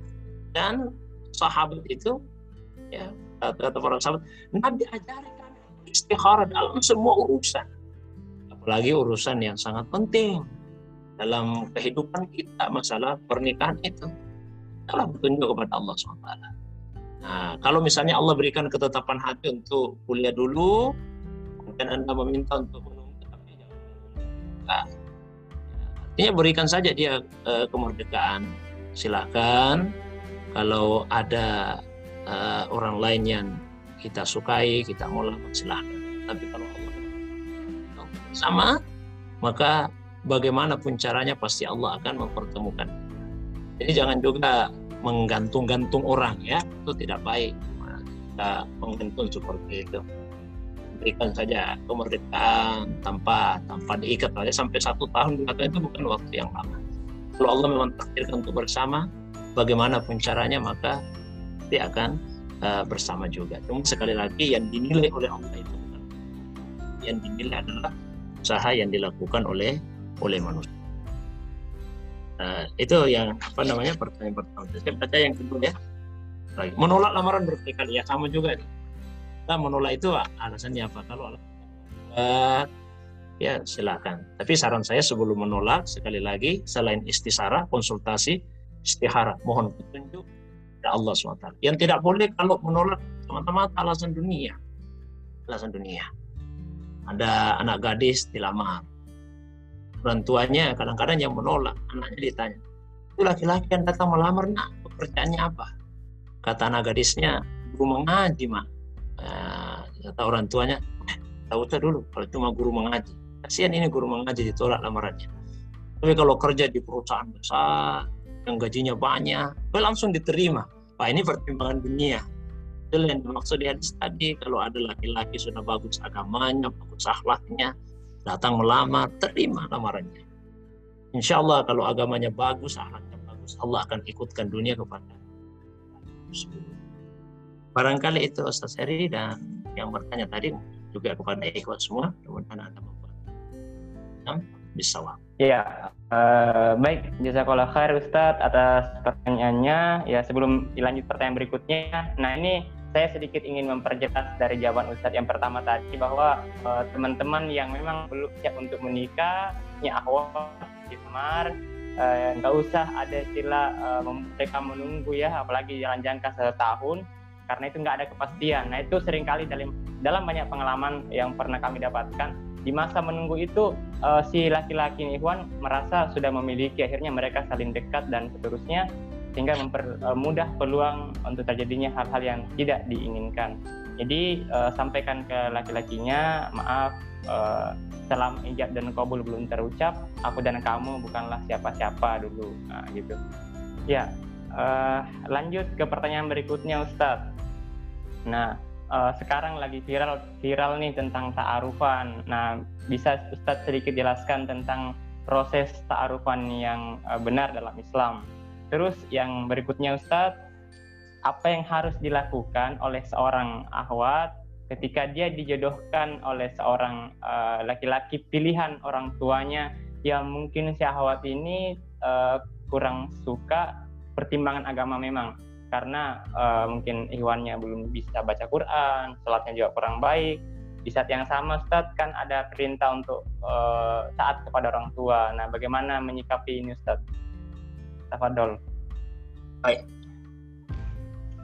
Oke, yang pertama ya, eh, ta'aruf itu bukan persyaratan untuk Jadi bisa saja terjadi dan dulu para sahabat, para ulama salafus saleh kadang-kadang pernikahan itu ada orang tua si gadis langsung saja dia nikahkan anak gadisnya dengan seorang laki-laki yang baik. Ya dia nikahkan langsung saja diminta silakan temui istrimu. Tapi tentu akan sangat baik apabila uh, laki-laki dan perempuan tersebut paling tidak dia bisa mengenali hal-hal yang mengetahui hal-hal yang akan sangat uh, menentukan nanti bagaimana menjalani uh, kehidupan rumah tangga sehingga ketika uh, ada seorang sahabat yang hendak menikah karena melihatnya belum ya harus kami lihat karena boleh jadi dengan melihat itu akan mendorong memberikan dorongan lebih motivasi lebih untuk tapi tentu adab-adabnya dijaga. Apa saja adab-adabnya itu satu. Tidak boleh berdua kan. Tidak boleh berkhalwat. Jadi jangan dengan alasan ini lagi taruh akhirnya berdua-dua saja ya kalau ada seorang laki-laki yang berkhalwat berduaan dengan perempuan yang bukan mahramnya maka yang ketiga itu adalah adalah syaitan. Nabi tegas melarang itu. Adalah seseorang di antara kalian berkhalwat seorang perempuan yang bukan mahramnya kecuali yang ketiga itu adalah adalah syaitan.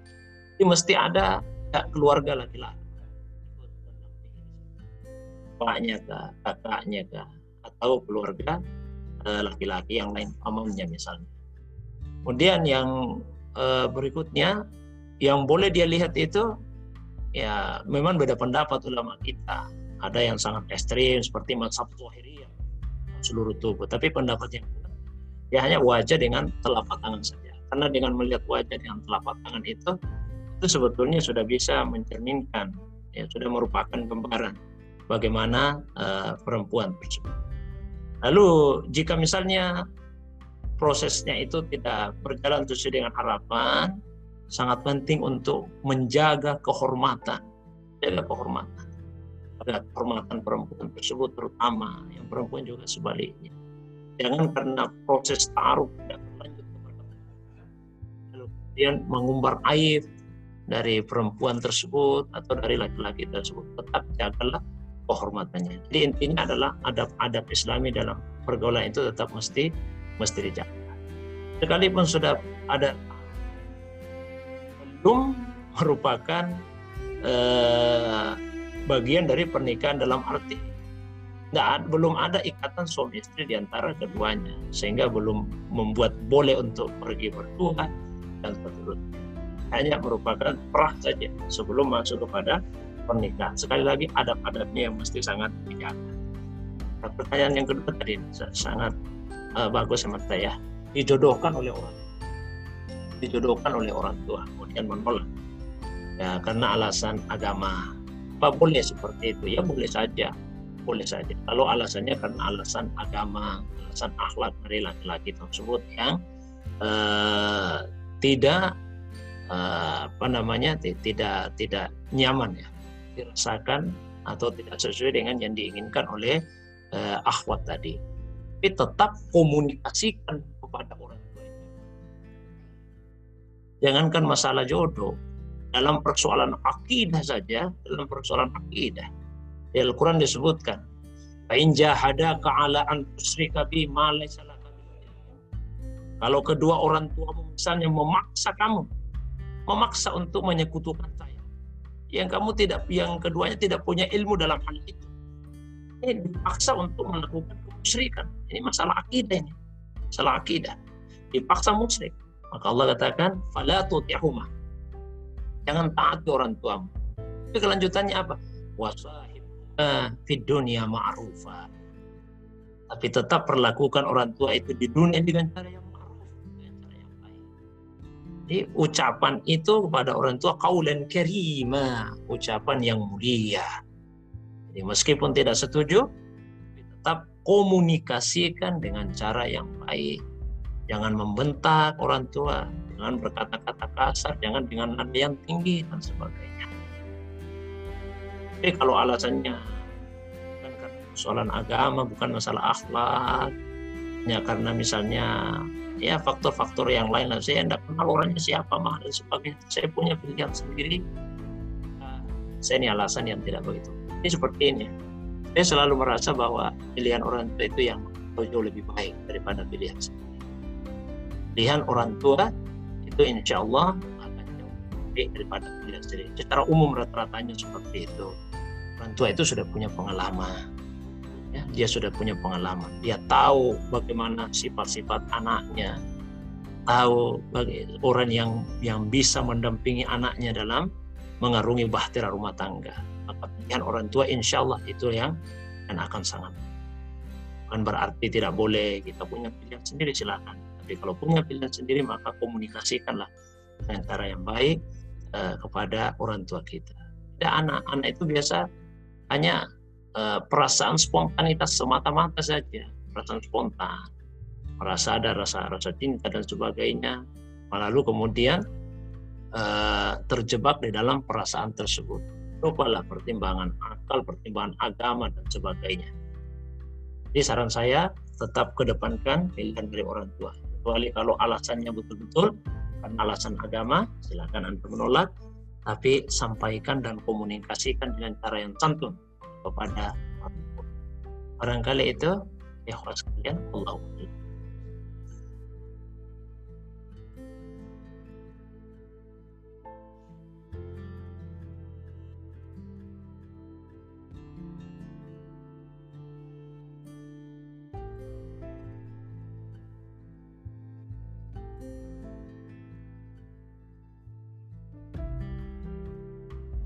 Uh, baik, uh, Akuan tadi sempat keluar sendiri.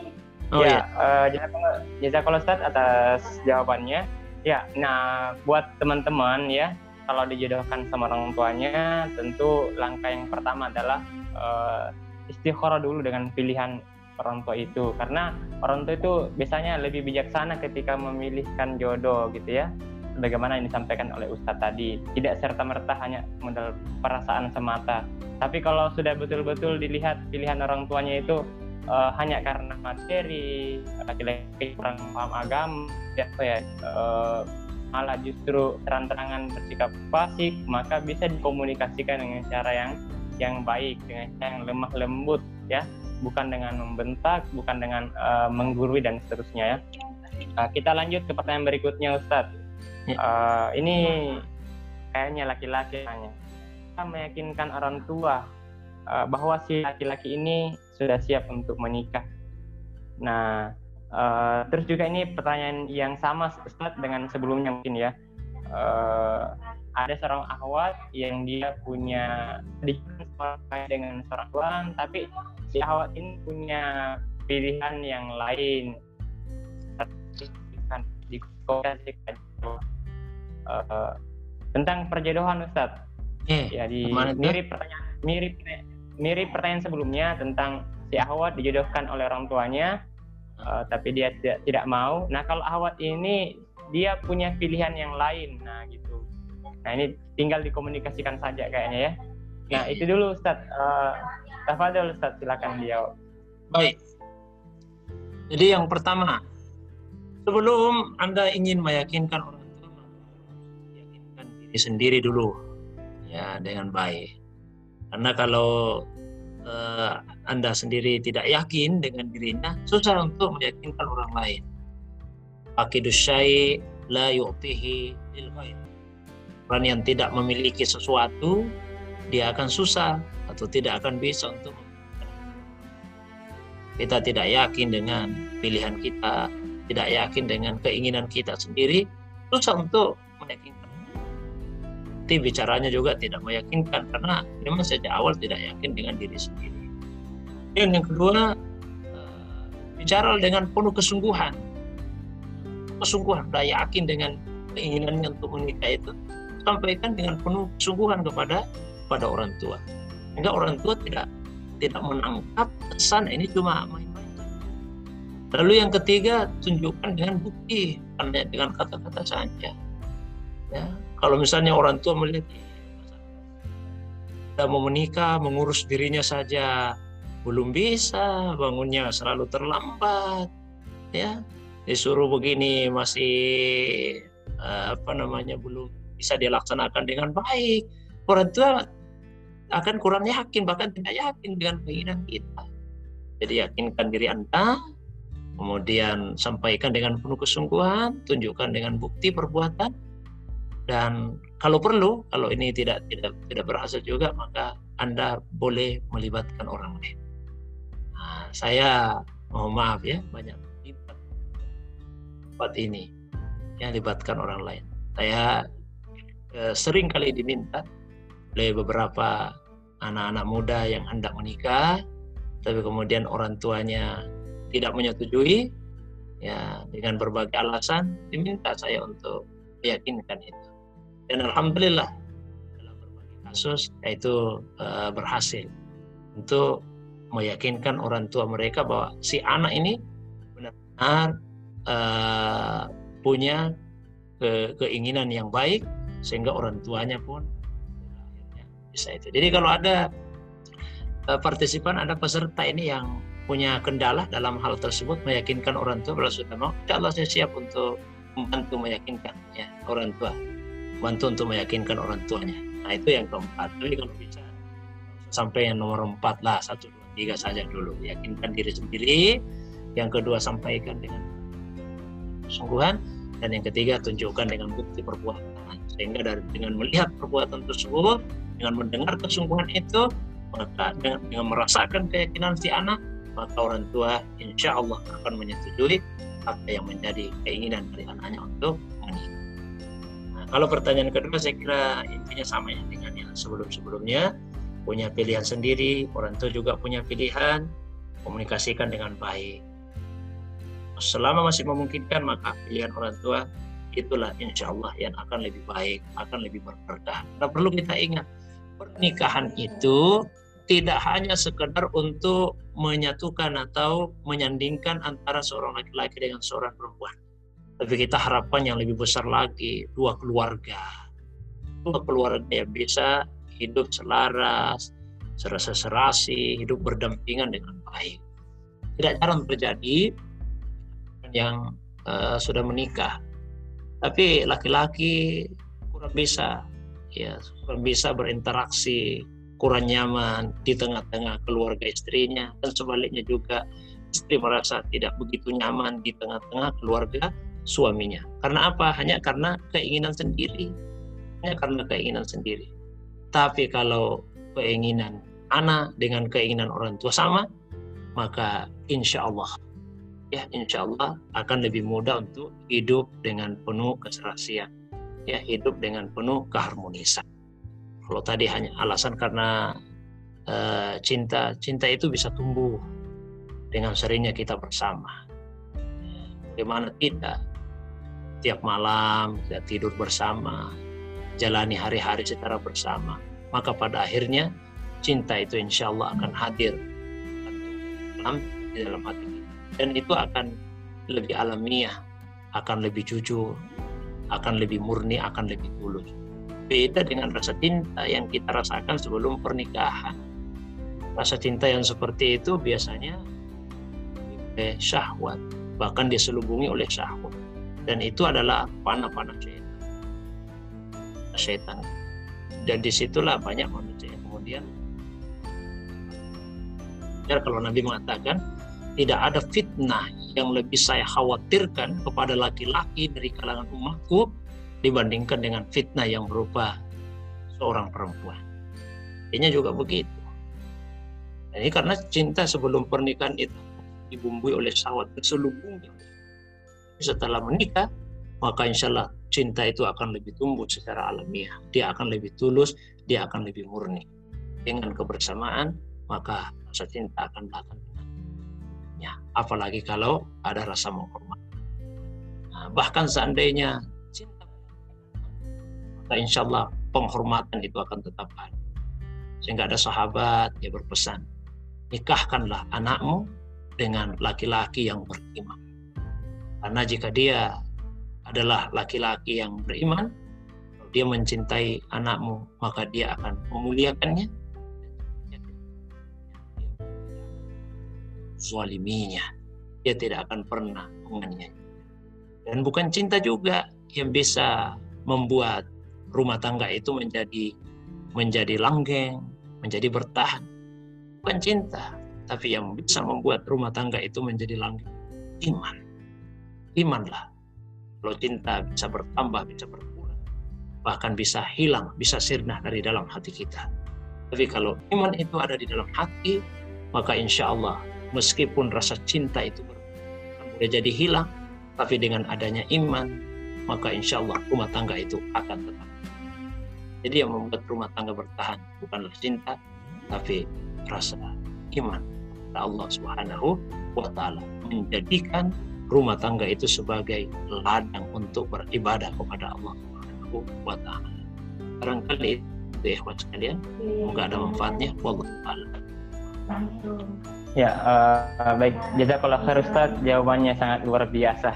Yang saya paling ingat itu ya terakhir ya, uh, bukan cinta yang membuat rumah tangga itu jadi langgeng, tapi iman. Nah, jadi teman-teman yang menolak uh, pilihan orang tua hanya karena persoalan cinta, maka ini saya kira bisa dipertimbangkan dengan sebaik-baiknya. Karena cinta itu kalau kata orang Jawa weteng teresno jalaran soko kulino. Cinta itu akan hadir karena terbiasa terbiasa ngobrol terbiasa chattingan apalagi kalau sudah menikah uh, dimasakkan itu ya dibantu sama suami. Insya Allah cinta itu akan hadir dengan sendirinya apalagi karena iman ya kita lanjut Ustaz. Ini pertanyaannya ini juga tidak kalah menarik dari sebelumnya ini sangat menarik. Uh, yang pertama uh, ini masih kayaknya pesertanya ini tadi terlambat ya terlambat uh, ikut di zoom meeting. Dia mempertanyakan tentang uh, hadis uh, tentang ya masyarakat syabab manisata amin mulba'ah tentang hmm. kata-kata atau maksud ini bisa dijelaskan ulang terus yang berikutnya siapkan ilmu seperti yang ideal ilmu idealnya yang dimiliki oleh seorang ikhwan untuk sebelum menikah. Kemudian yang ketiga, nah tentang uang panai yang terlalu mahal. Tafadhal Ustaz. Baik. Oke, yang pertama tadi saya sudah jelaskan ya San mengenai makna al-ba'at di dalam hadis yang diriwayatkan oleh Imam Al-Bukhari. Rasulullah SAW bersabda, Ya ma'asyara syabab, ta'a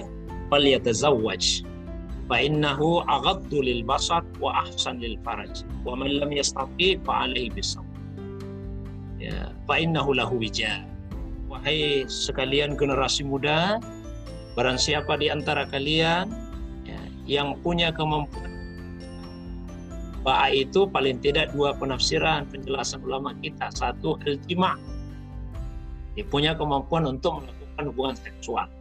Jadi kalau belum mampu untuk melakukan hubungan seksual, jangan dulu menikah.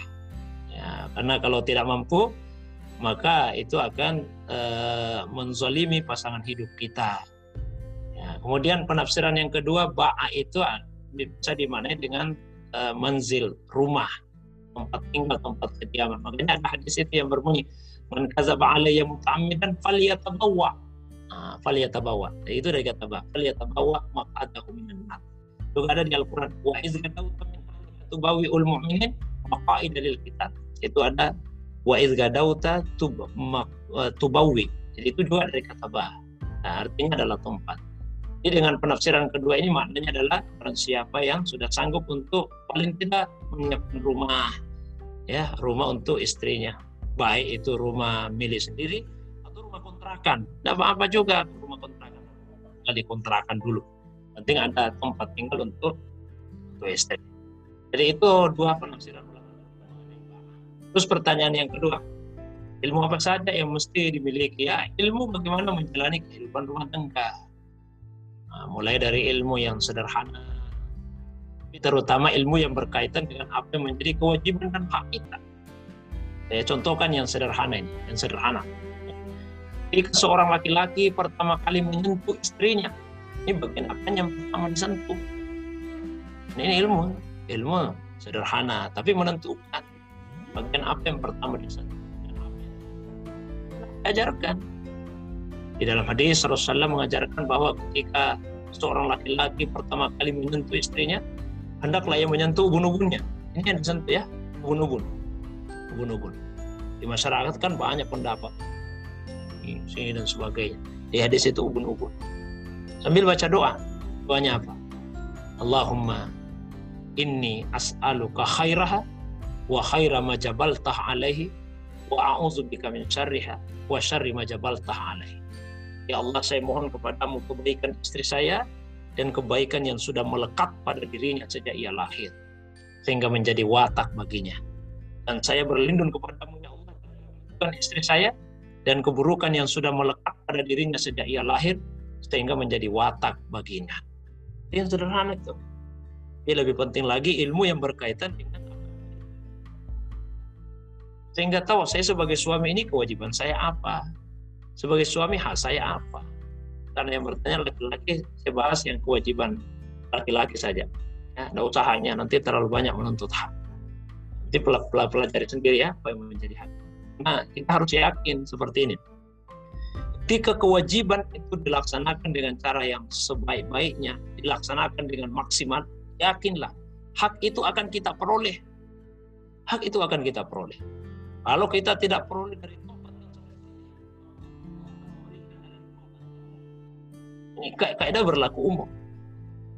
Allah akan berikan dari tempatnya. Bahkan jika Allah tidak memberikan di dunia pun, itu artinya Allah menginvestasikannya untuk di akhirat nanti. Nyanda eh, tak harus pekan erat-erat ini. Dan bukan hanya dalam persoalan eh, keluarga di mana saja. Anda kerja dengan baik suatu tempat. Laksanakan kewajibannya dengan baik. Anda tidak digaji dengan cara yang sepantasnya. Insya Allah. Gaji itu Allah SWT akan berikan melalui jalur yang lain. Anda tidak dapat di dunia, insya Allah Allah investasikan nanti di akhir. Begitu juga dalam kehidupan rumah tangga. Kewajiban sebagai suami sudah dilaksanakan dengan cara yang maksimal. Tapi tidak dapat hak sebagai suami, yakinlah. Insya Allah Allah tidak akan pernah menzalimi hambanya. Begitu juga istri.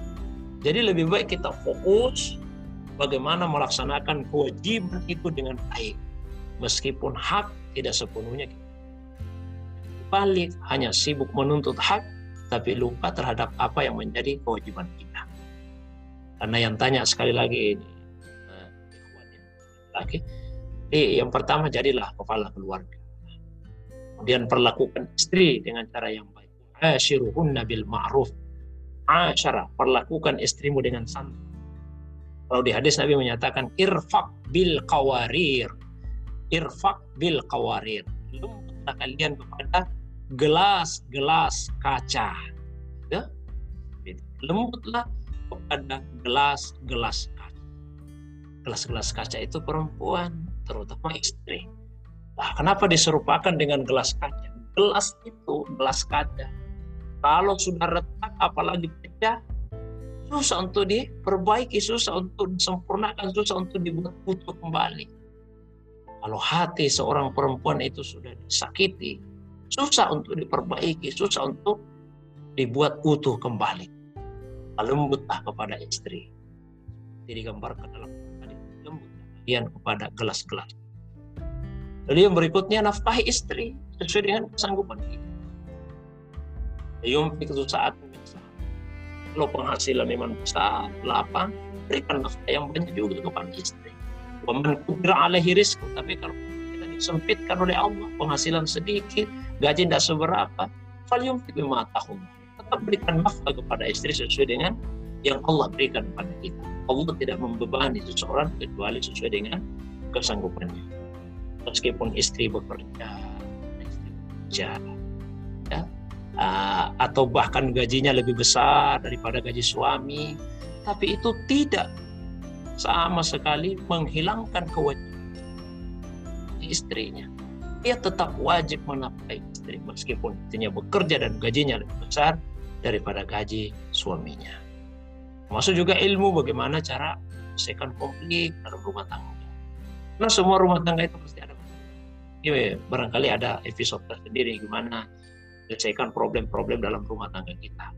Nah, nah ini baru halka pertama ya, episode pertama dari rangkaian uh, episode dari halka cinta. Saya kira itu gambaran dari ilmu apa saja yang bisa itu. Nah, pertanyaan ketiga, mohon maaf. Uh, Wan Panai ya, terlalu mahal Wanpana itu sebetulnya tradisi saja, bukan bagian dari ajaran agama. Yang bagian dari ajaran agama itu adalah mahar. Wa atuhunna saduqatihinna nihlah. Berikanlah kepada istrimu itu saduqatihinna nihlah. Mahar-mahar mereka sebagai pemberi Nah itu mahar. Kalau mahar eh, tidak ada batas minimalnya, ini bermanfaat. Mau sepasang sandal pun boleh. Sandal pun boleh. Tapi tidak ada juga batas maksimalnya. Di Al-Quran disebutkan, wa ataitum ihdahunna kintara. Kalian telah memberikan kepada istrimu kintara. Kintara itu harta yang mewah, harta yang berlimpah. Ayat ini yang dibacakan seorang nenek tua pada saat memprotes Umar bin Khattab. Khalifah pidato di depan rakyatnya dengan maksud untuk membatasi mahar. Mahar tidak usah mahal-mahal. Langsung nenek ini protes. Ya Umar, berani sekali Anda. Di Al-Quran Allah berfirman, "Ataitum ihtakunna intara." Sementara Anda mau membatasi mahar. Umar langsung berkata, eh, "Laqad sahabat ajusah wa Yang benar perempuan tua itu salah. Jadi kalau memang ada laki-laki yang kaya raya, silakan dia memberikan mahar yang banyak juga kepada istrinya. Silakan. Tapi kalau misalnya ya tidak apa-apa. Mahar itu sebagai tanda siapan dari laki-laki untuk menafkahi istri dan itu menjadi hak uh, dari dari kalau uang panen ini tradisi saja lah boleh dia tidak ada namun mempengaruhi saja kalau ditanya ke mana hukumnya dalam Islam ya jangan sampai karena uang pan naik kemudian pernikahan itu menjadi batal menjadi batal ya bukanlah bagian dari rukun bukan bagian dari syarat pernikahan di dalam. Barangkali itu Allah alam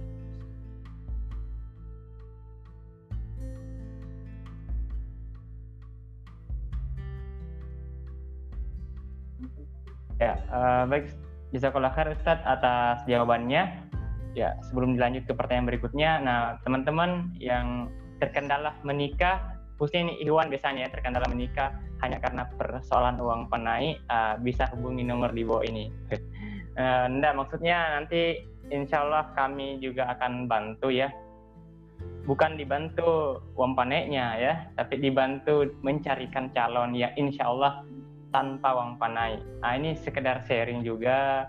Uh, Alhamdulillah kemarin kami menikah itu tanpa uang panai ya.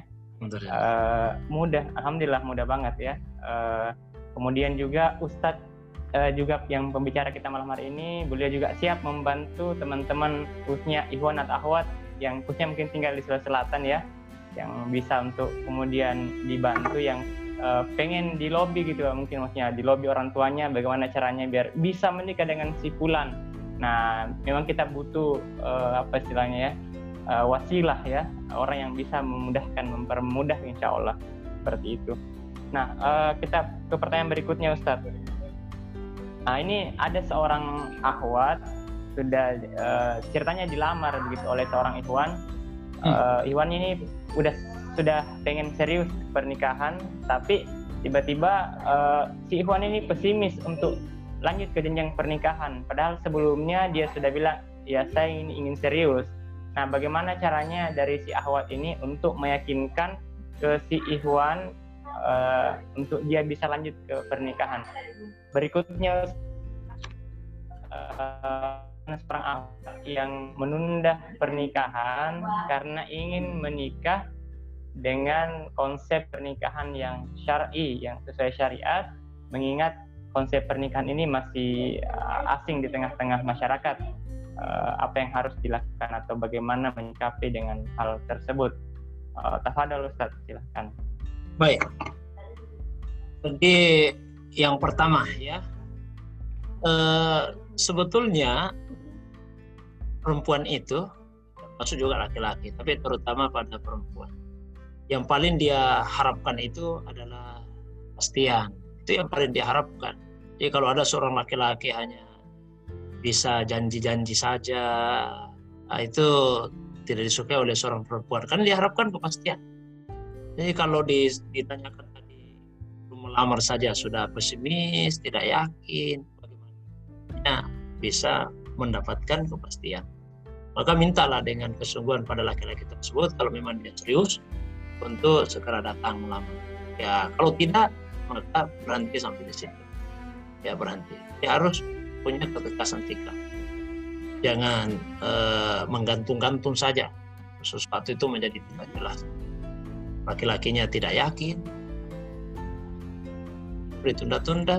Pada akhirnya nanti setan akan uh, menyusup lalu kemudian membisikkan sehingga bisa saja terjadi perbuatan yang dilarang oleh Allah Subhanahu wa taala.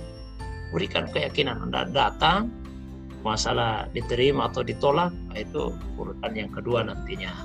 Ya, yang penting datang dulu sampaikan dengan penuh keyakinan.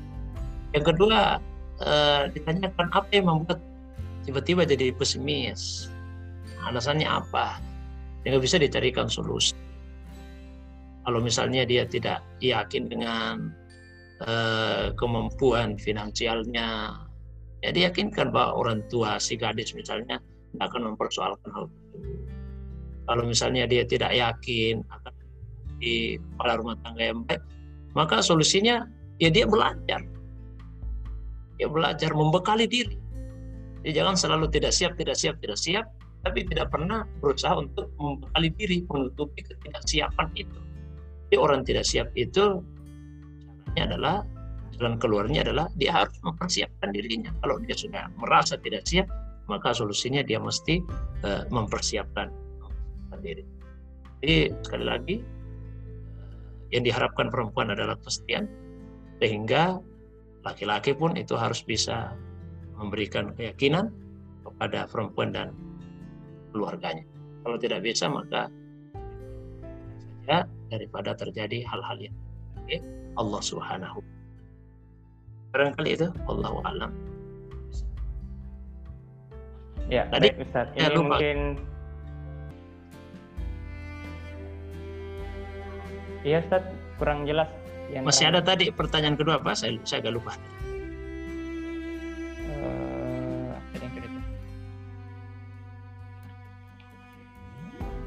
tadi yang pertama sudah dijawab, dijawab tentang ya uh, cara meyakinkan Ikhwan yang pesimis hmm. untuk lanjut ke pernikahan. Nah, uh, ini masih lanjutan Ustadz, lanjutannya gini. Uh, bagaimana cara cara menilai Ikhwan ini itu serius ingin menikah atau tidak karena uh, banyak sekarang Ikhwan itu yang ngajak si awat dekat tapi sebenarnya hanya ingin uh, mengoleksi begitu. Ataupun hanya ingin ngajak dekat modus. Katanya uh, pengen nikah tapi sebenarnya modus untuk ngajak dekat. Biar ada alasan untuk mendekati si ahwat. Jadi dia bilangnya kita ta'arufan. Tapi ta'arufannya satu tahun misalnya ya. Tidak jelas kapan juga ya. Uh, terus berikutnya Ustadz uh, sebenarnya ini tadi sudah terjawab ya. Uh, ada ikhwan ya ingin ta'aruf dengan seorang ahwat tapi pihak keluarga si Ahwat ini nggak tahu cara taruh. Uh, ini sebenarnya bukan pada si keluarganya. Intinya eh, laki-laki uh, dan perempuan ini masing-masing mereka paham tentang konsep taruh yang benar. Ya mereka bisa saling taarufan tanpa misalnya uh, melibatkan pihak keluarga si perempuan. Intinya dengan tidak melakukan hal-hal yang mendekati zina. dulu Ustaz. Baik. Uh, tadi ya yang terlewatkan ada, ada pertanyaan tadi saat Herita di siapa iya. ini? Prayu Lepus Pasari ya. Menunda-nunda pernikahan dengan alasan ingin ya. menikah sesuai dengan syariat ya karena syariat. keluarga tidak ya eh, eh, tidak apa-apa. Tidak apa-apa. Sembari meyakinkan keluarga bahwa pilihan itu yang baik. Ya kalau tidak bisa meyakinkan sendiri sekali lagi boleh melibatkan pihak luar. Libatkanlah seorang ustadz atau tokoh agama terutama yang disegani oleh keluarga. Mungkin kalau keluarga ada ada kiai yang lebih dia dengar, dia yang bicara. Nah, kadang-kadang kan orang tua itu sampaikan ke anaknya, nah, saya lebih dulu makan garam lah. Tapi orang tua tidak sadar. Sadar meskipun dia yang duluan makan garam, tapi bisa saja anaknya lebih banyak makan garam daripada orang tuanya bukan masalah siapa yang duluan tapi ini masalah siapa yang banyak saja. Tidak anak pun tidak boleh besar kepala tidak boleh uh, merendahkan orang tua ya. Maka bolehlah melibatkan pihak luar. Dan pihak luar yang bisa meyakinkan orang tua tersebut. Sehingga pernikahan itu tidak tertunda lama dan juga konsepnya sesuai dengan konsep uh, syariat tapi kalau misalnya udah diyakinkan, diyakinkan, diyakinkan, oh sepertinya tidak akan bisa ini, sepertinya tidak akan bisa, maka irtikab ahaf interarai. Pilihlah yang paling ringan resikonya. Pilih yang paling ringan resikonya. Kalau menunggu terus orang tua tidak bisa-bisa, maka itu sangat berisiko besar. Ya, maka lebih baik silahkan pilihlah untuk tetap menikah meskipun konsepnya tidak sepenuhnya sesuai dengan uh, syariat dalam arti masih ada ya telat masih ada percampuran di dalamnya. Tapi yang paling baik kalau dua-duanya terlaksana pernikahannya tidak tertunda tidak tertunda lama maksud saya dan walimanya sesuai dengan konsep syariat. Tapi kalau tidak bisa dua-duanya diperoleh maka pilih yang paling ringan risikonya. Tetap menikah meskipun konsepnya belum sepenuhnya dengan syariat. Kemudian pertanyaan yang diajukan tadi gimana menilai keseriusan? Seriusan laki-laki itu ketika dia datang melamar itu keseriusannya. Keseriusannya ketika dia datang. Kalau hanya dengan uh, pantun, dengan puisi, dengan bunga, ah, itu bukan tanda keseriusan. Ya, biar seribu bait pantun yang di, disampaikan, ya berba, beratus-ratus puisi yang dia kirimkan, WA yang dikirimkan, bunga satu trek sekalipun yang dia kirimkan itu. Tanda keseriusan itu adalah ketika dia datang untuk melamar. Tanpa puisi tanpa pantun. Tapi kalau laki-laki itu sudah datang untuk melamar maka itulah tanda keseriusan. Kita lihat kalau ada laki-laki yang menunda menunda menunda menunda maka itu artinya dia tidak terlalu serius untuk membangun rumah tangga. Ya seperti ini tidak memang tidak bisa lanjut maka lebih baik saja. Di dunia ini masih terlalu banyak laki-laki. Bukan hanya satu orang saja. Barangkali itu saya seri Allah alam.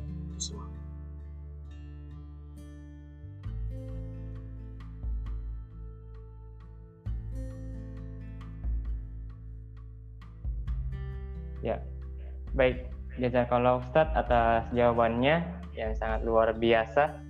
Nah, ini buat teman-teman ahwat ya kalau ada ikhwan yang katanya pengen serius ngajakin ke pelaminan tapi tidak jelas kapan datang melamar nah berarti dia tidak serius meskipun dia berulang kali menyampaikan tentang kesiapannya bukan kesiapannya keseriusannya ya tapi uh, satu-satunya keseriusan seorang laki-laki itu sebagaimana tadi disampaikan oleh Ustaz ketika dia datang melamar ya karena cinta itu bukan hanya ketulusan tapi keseriusan ya. Uh, ada lagi pertanyaan terakhir mungkin tadi, Ustaz, kalau ada masih ada enggak nih ya? Mana? Ada, ada waktu Ustaz? Uh, ya sekitar lima menit lagi, sekitar lima menit. Terakhir barangkali, Seri, kalau ada satu pertanyaan iya, terakhir. Iya, iya, oke Ustaz. Saya cek dulu Ustaz saya pilih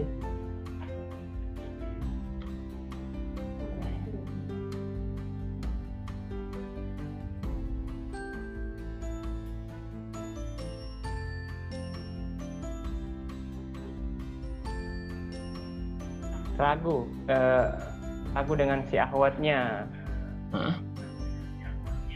nah ini kayaknya eh, si Huannya diajak nikah tapi ragu dengan si ahwat ya ini perlu ditanyakan lagi apa yang membuat ragu gitu ya dan uh, bisa dicari aja ahwat yang lain kalau memang si ahwat yang aja itu kurang apa ya kurang meyakinkan begitu atau mungkin Baik. Ustadz silahkan dijelaskan bagaimana Baik. meyakinkan hati dengan ya pilihan nah, ini ini luar biasa ya eh, jarang yang seperti ini ya akhwat yang ngajak nikah uh, akhwat yang ngajak nikah. Tapi itu bukan berarti akhwat itu tahan dan sebagainya. Justru ini adalah akhwat yang mulia. Dulu di masa Nabi SAW, sementara Nabi isi pengajian begitu. Sementara Nabi isi pengajian. Tiba-tiba ada seorang perempuan yang datang. Dan ini terkenal sekali dalam hadis. Dikasih judul itu ulama biasanya. Imra'atun wahab nafsaha dan Nabi SAW kisah tentang seorang perempuan yang menghibahkan dirinya kepada Nabi Sallallahu Alaihi Wasallam. Sementara Rasulullah SAW pengajian seperti itu, cara pengajian, kemudian tiba-tiba ada seorang perempuan lalu menyampaikan pada Nabi SAW, ya Rasulullah nikahi saya. Ini putrinya Anas kaget mendengar perempuan tidak tahu malu kalau saya datang ke Nabi menawarkan dirinya. Kita, kita justru itu perempuan yang mulia. Dia punya perasaan suka di dalam hatinya dan dia sampaikan secara terang. Sampaikan secara kepada Nabi Wasallam. Meskipun uh, mungkin kita biasa dengar kisahnya itu. Ya Nabi tidak menikahinya. Tapi Nabi menikahkan dengan seorang sahabatnya yang lain. Jadi intinya di situ adalah bukanlah sesuatu perbuatan yang memalukan kalau ada seorang akhwat yang meminta tapi akan lebih baik kalau dan dia secara langsung yang sampaikan lewat orang tua. Saya sampaikan tadi dalam pembahasan nikah ini tanggung jawab sosial juga, terutama wali, wali, orang tua dari si gadis tersebut. Kalau ada orang tua punya anak gadis, apalagi kalau umurnya ya sudah mulai memasuki usia-usia yang riskan, maka silahkan bahkan sebelum mencapai itu silahkan Bagaimana dulu Umar bin Khattab mendatangi Utsman bin Affan agar Utsman berkenan menikahi putrinya Hafsah. Utsman tidak berkenan, dia datang. Siddiq. Umar menawarkan barangkali Abu Bakar berkenan untuk menikahi Hafsah. Abu Bakar tidak bersedia. Umar datangi Rasulullah SAW berkeluh kesah tentang itu. Akhirnya Nabi menyampaikan bahwa Allah akan menikahkan putrimu dengan laki-laki yang lebih baik daripada Utsman dan laki-laki yang lebih baik daripada Abu Bakar. Nah, siapa itu? Nabi sendiri. Ini bukan sesuatu yang yang yang terlarang, bukan sesuatu yang memalukan. Yang memalukan itu kalau seorang perempuan punya rasa suka, lalu kemudian mengajak laki-laki tersebut melakukan perbuatan yang tidak diridhoi oleh Allah Subhanahu wa taala. Itu baru perbuatan yang yang memalukan. Nah, kita juga laki-laki ini kalau aja kan jarang juga terjadi ini ya. Kalau ada, ada yang mengajak misalnya, ya kita lihat boleh diterima, juga tidak diterima seperti Nabi tadi tidak menerima. Kalau saya sih beberapa kali juga ya seperti itu sebetulnya. Ya, ya kalau saya sederhana saja. Saja kepada istrinya gimana tanggapannya? Kalau setuju ya saya setuju, setuju saja. Tapi sampai sekarang sih tidak belum pernah disetujui ya pernah disetujui tapi intinya adalah bahwa uh, seorang laki-laki yang ditawari seperti itu dia boleh terima juga dia boleh untuk tidak menerimanya nah, kalau ada keraguan itu pada sisi apa ragunya pada sisi apa? Kalau ragu akan agamanya ragu pada akhlaknya kalau kita bisa kita perbaiki akhlaknya bisa kita perbaiki dengan menikahinya itu sangat baik. Dan itulah bagian dari dari dakwah kita. Ya kita melihat oh masih ada kekurangan pada akhlak. Tapi saya akan mampu untuk memperbaikinya silahkan tapi kalau laki-lakinya sendiri ragu akan jangan jangan-jangan malah bukan saya memperbaiki akhlaknya memperbaiki agamanya malah akhlak saya yang justru akan dirusak ya kalau saya sama hidup berkeluarga dengannya uh, lebih baik kita urungkan niat. Ya, jadi benarlah disampaikan. Lihatlah faktor apa yang mendatangkan keraguan. Yang kelima, Ustaz mungkin sepuluh ya. Ada manfaatnya bagi kita semua. Ya, uh,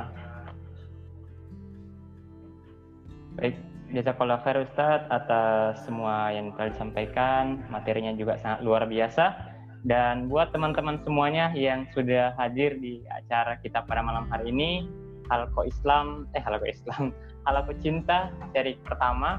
Insya Allah ini teman-teman uh, akan berlanjut seterusnya sampai sekitar lebih 10 episode dan semoga ini insya Allah bisa menjadi uh, kajian parenting kita ya uh, buat teman-teman baik yang sudah menyempurnakan separuh agamanya ataupun terkhususnya buat teman-teman yang belum menyempurnakan separuh agamanya. Ini materinya luar biasa sekali ya.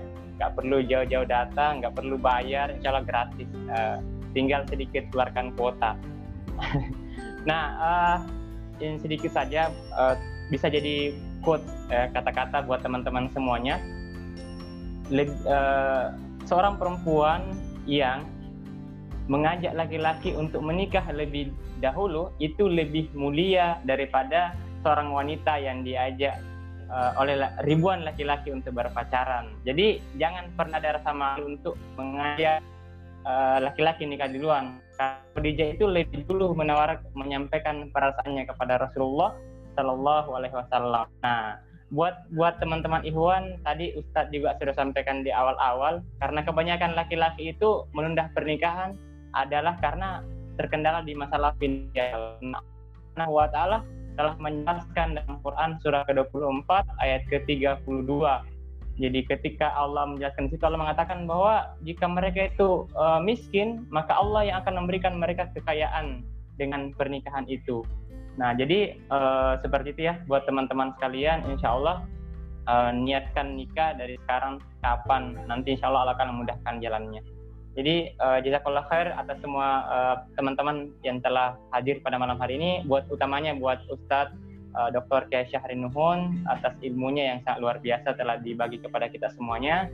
Uh, mohon doanya buat teman-teman semua. Uh, kita doakan Ustadz kita semoga beliau sehat selalu, senantiasa dimudahkan dalam segala urusannya. Amin. Buat teman-teman semua juga semoga diberikan kekuatan kesehatan Allah Subhanahu wa taala dan buat yang sudah punya uh, niat untuk segera menikah semoga disegerakan bertemu dengan jodohnya. Amin. Amin dong. Ya, oke okay, baik uh, baik teman-teman semuanya untuk menyempurnakan daripada pertemuan kita malam hari ini, marilah kita bersama-sama menutup dengan membaca doa kafaratul majelis dengan mengawali membaca istighfar tiga kali. Astagfirullahaladzim. Astagfirullahaladzim. Subhanakallahumma bihamdik Asyhadu ilaha illa anta wa nastaghfiruka wa natubu ilaik. Assalamualaikum warahmatullahi wabarakatuh. Waalaikumsalam.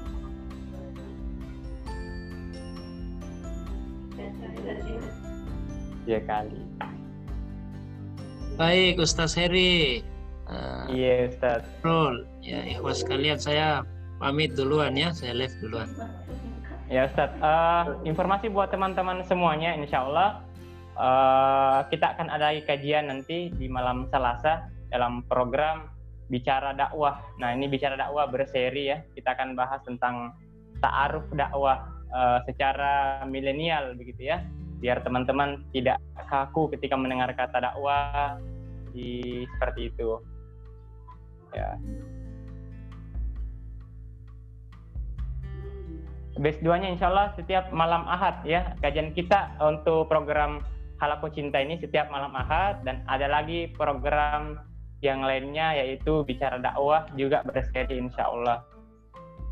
Ya uh, demikian teman-teman sekalian, uh, saya juga mohon uh, pamit undur diri ya. Uh, mohon maaf bila ada kata-kata yang kurang berkenan ya. Walafu minkum wa khairu da'wan alhamdulillahi alamin. Wassalamualaikum warahmatullahi wabarakatuh.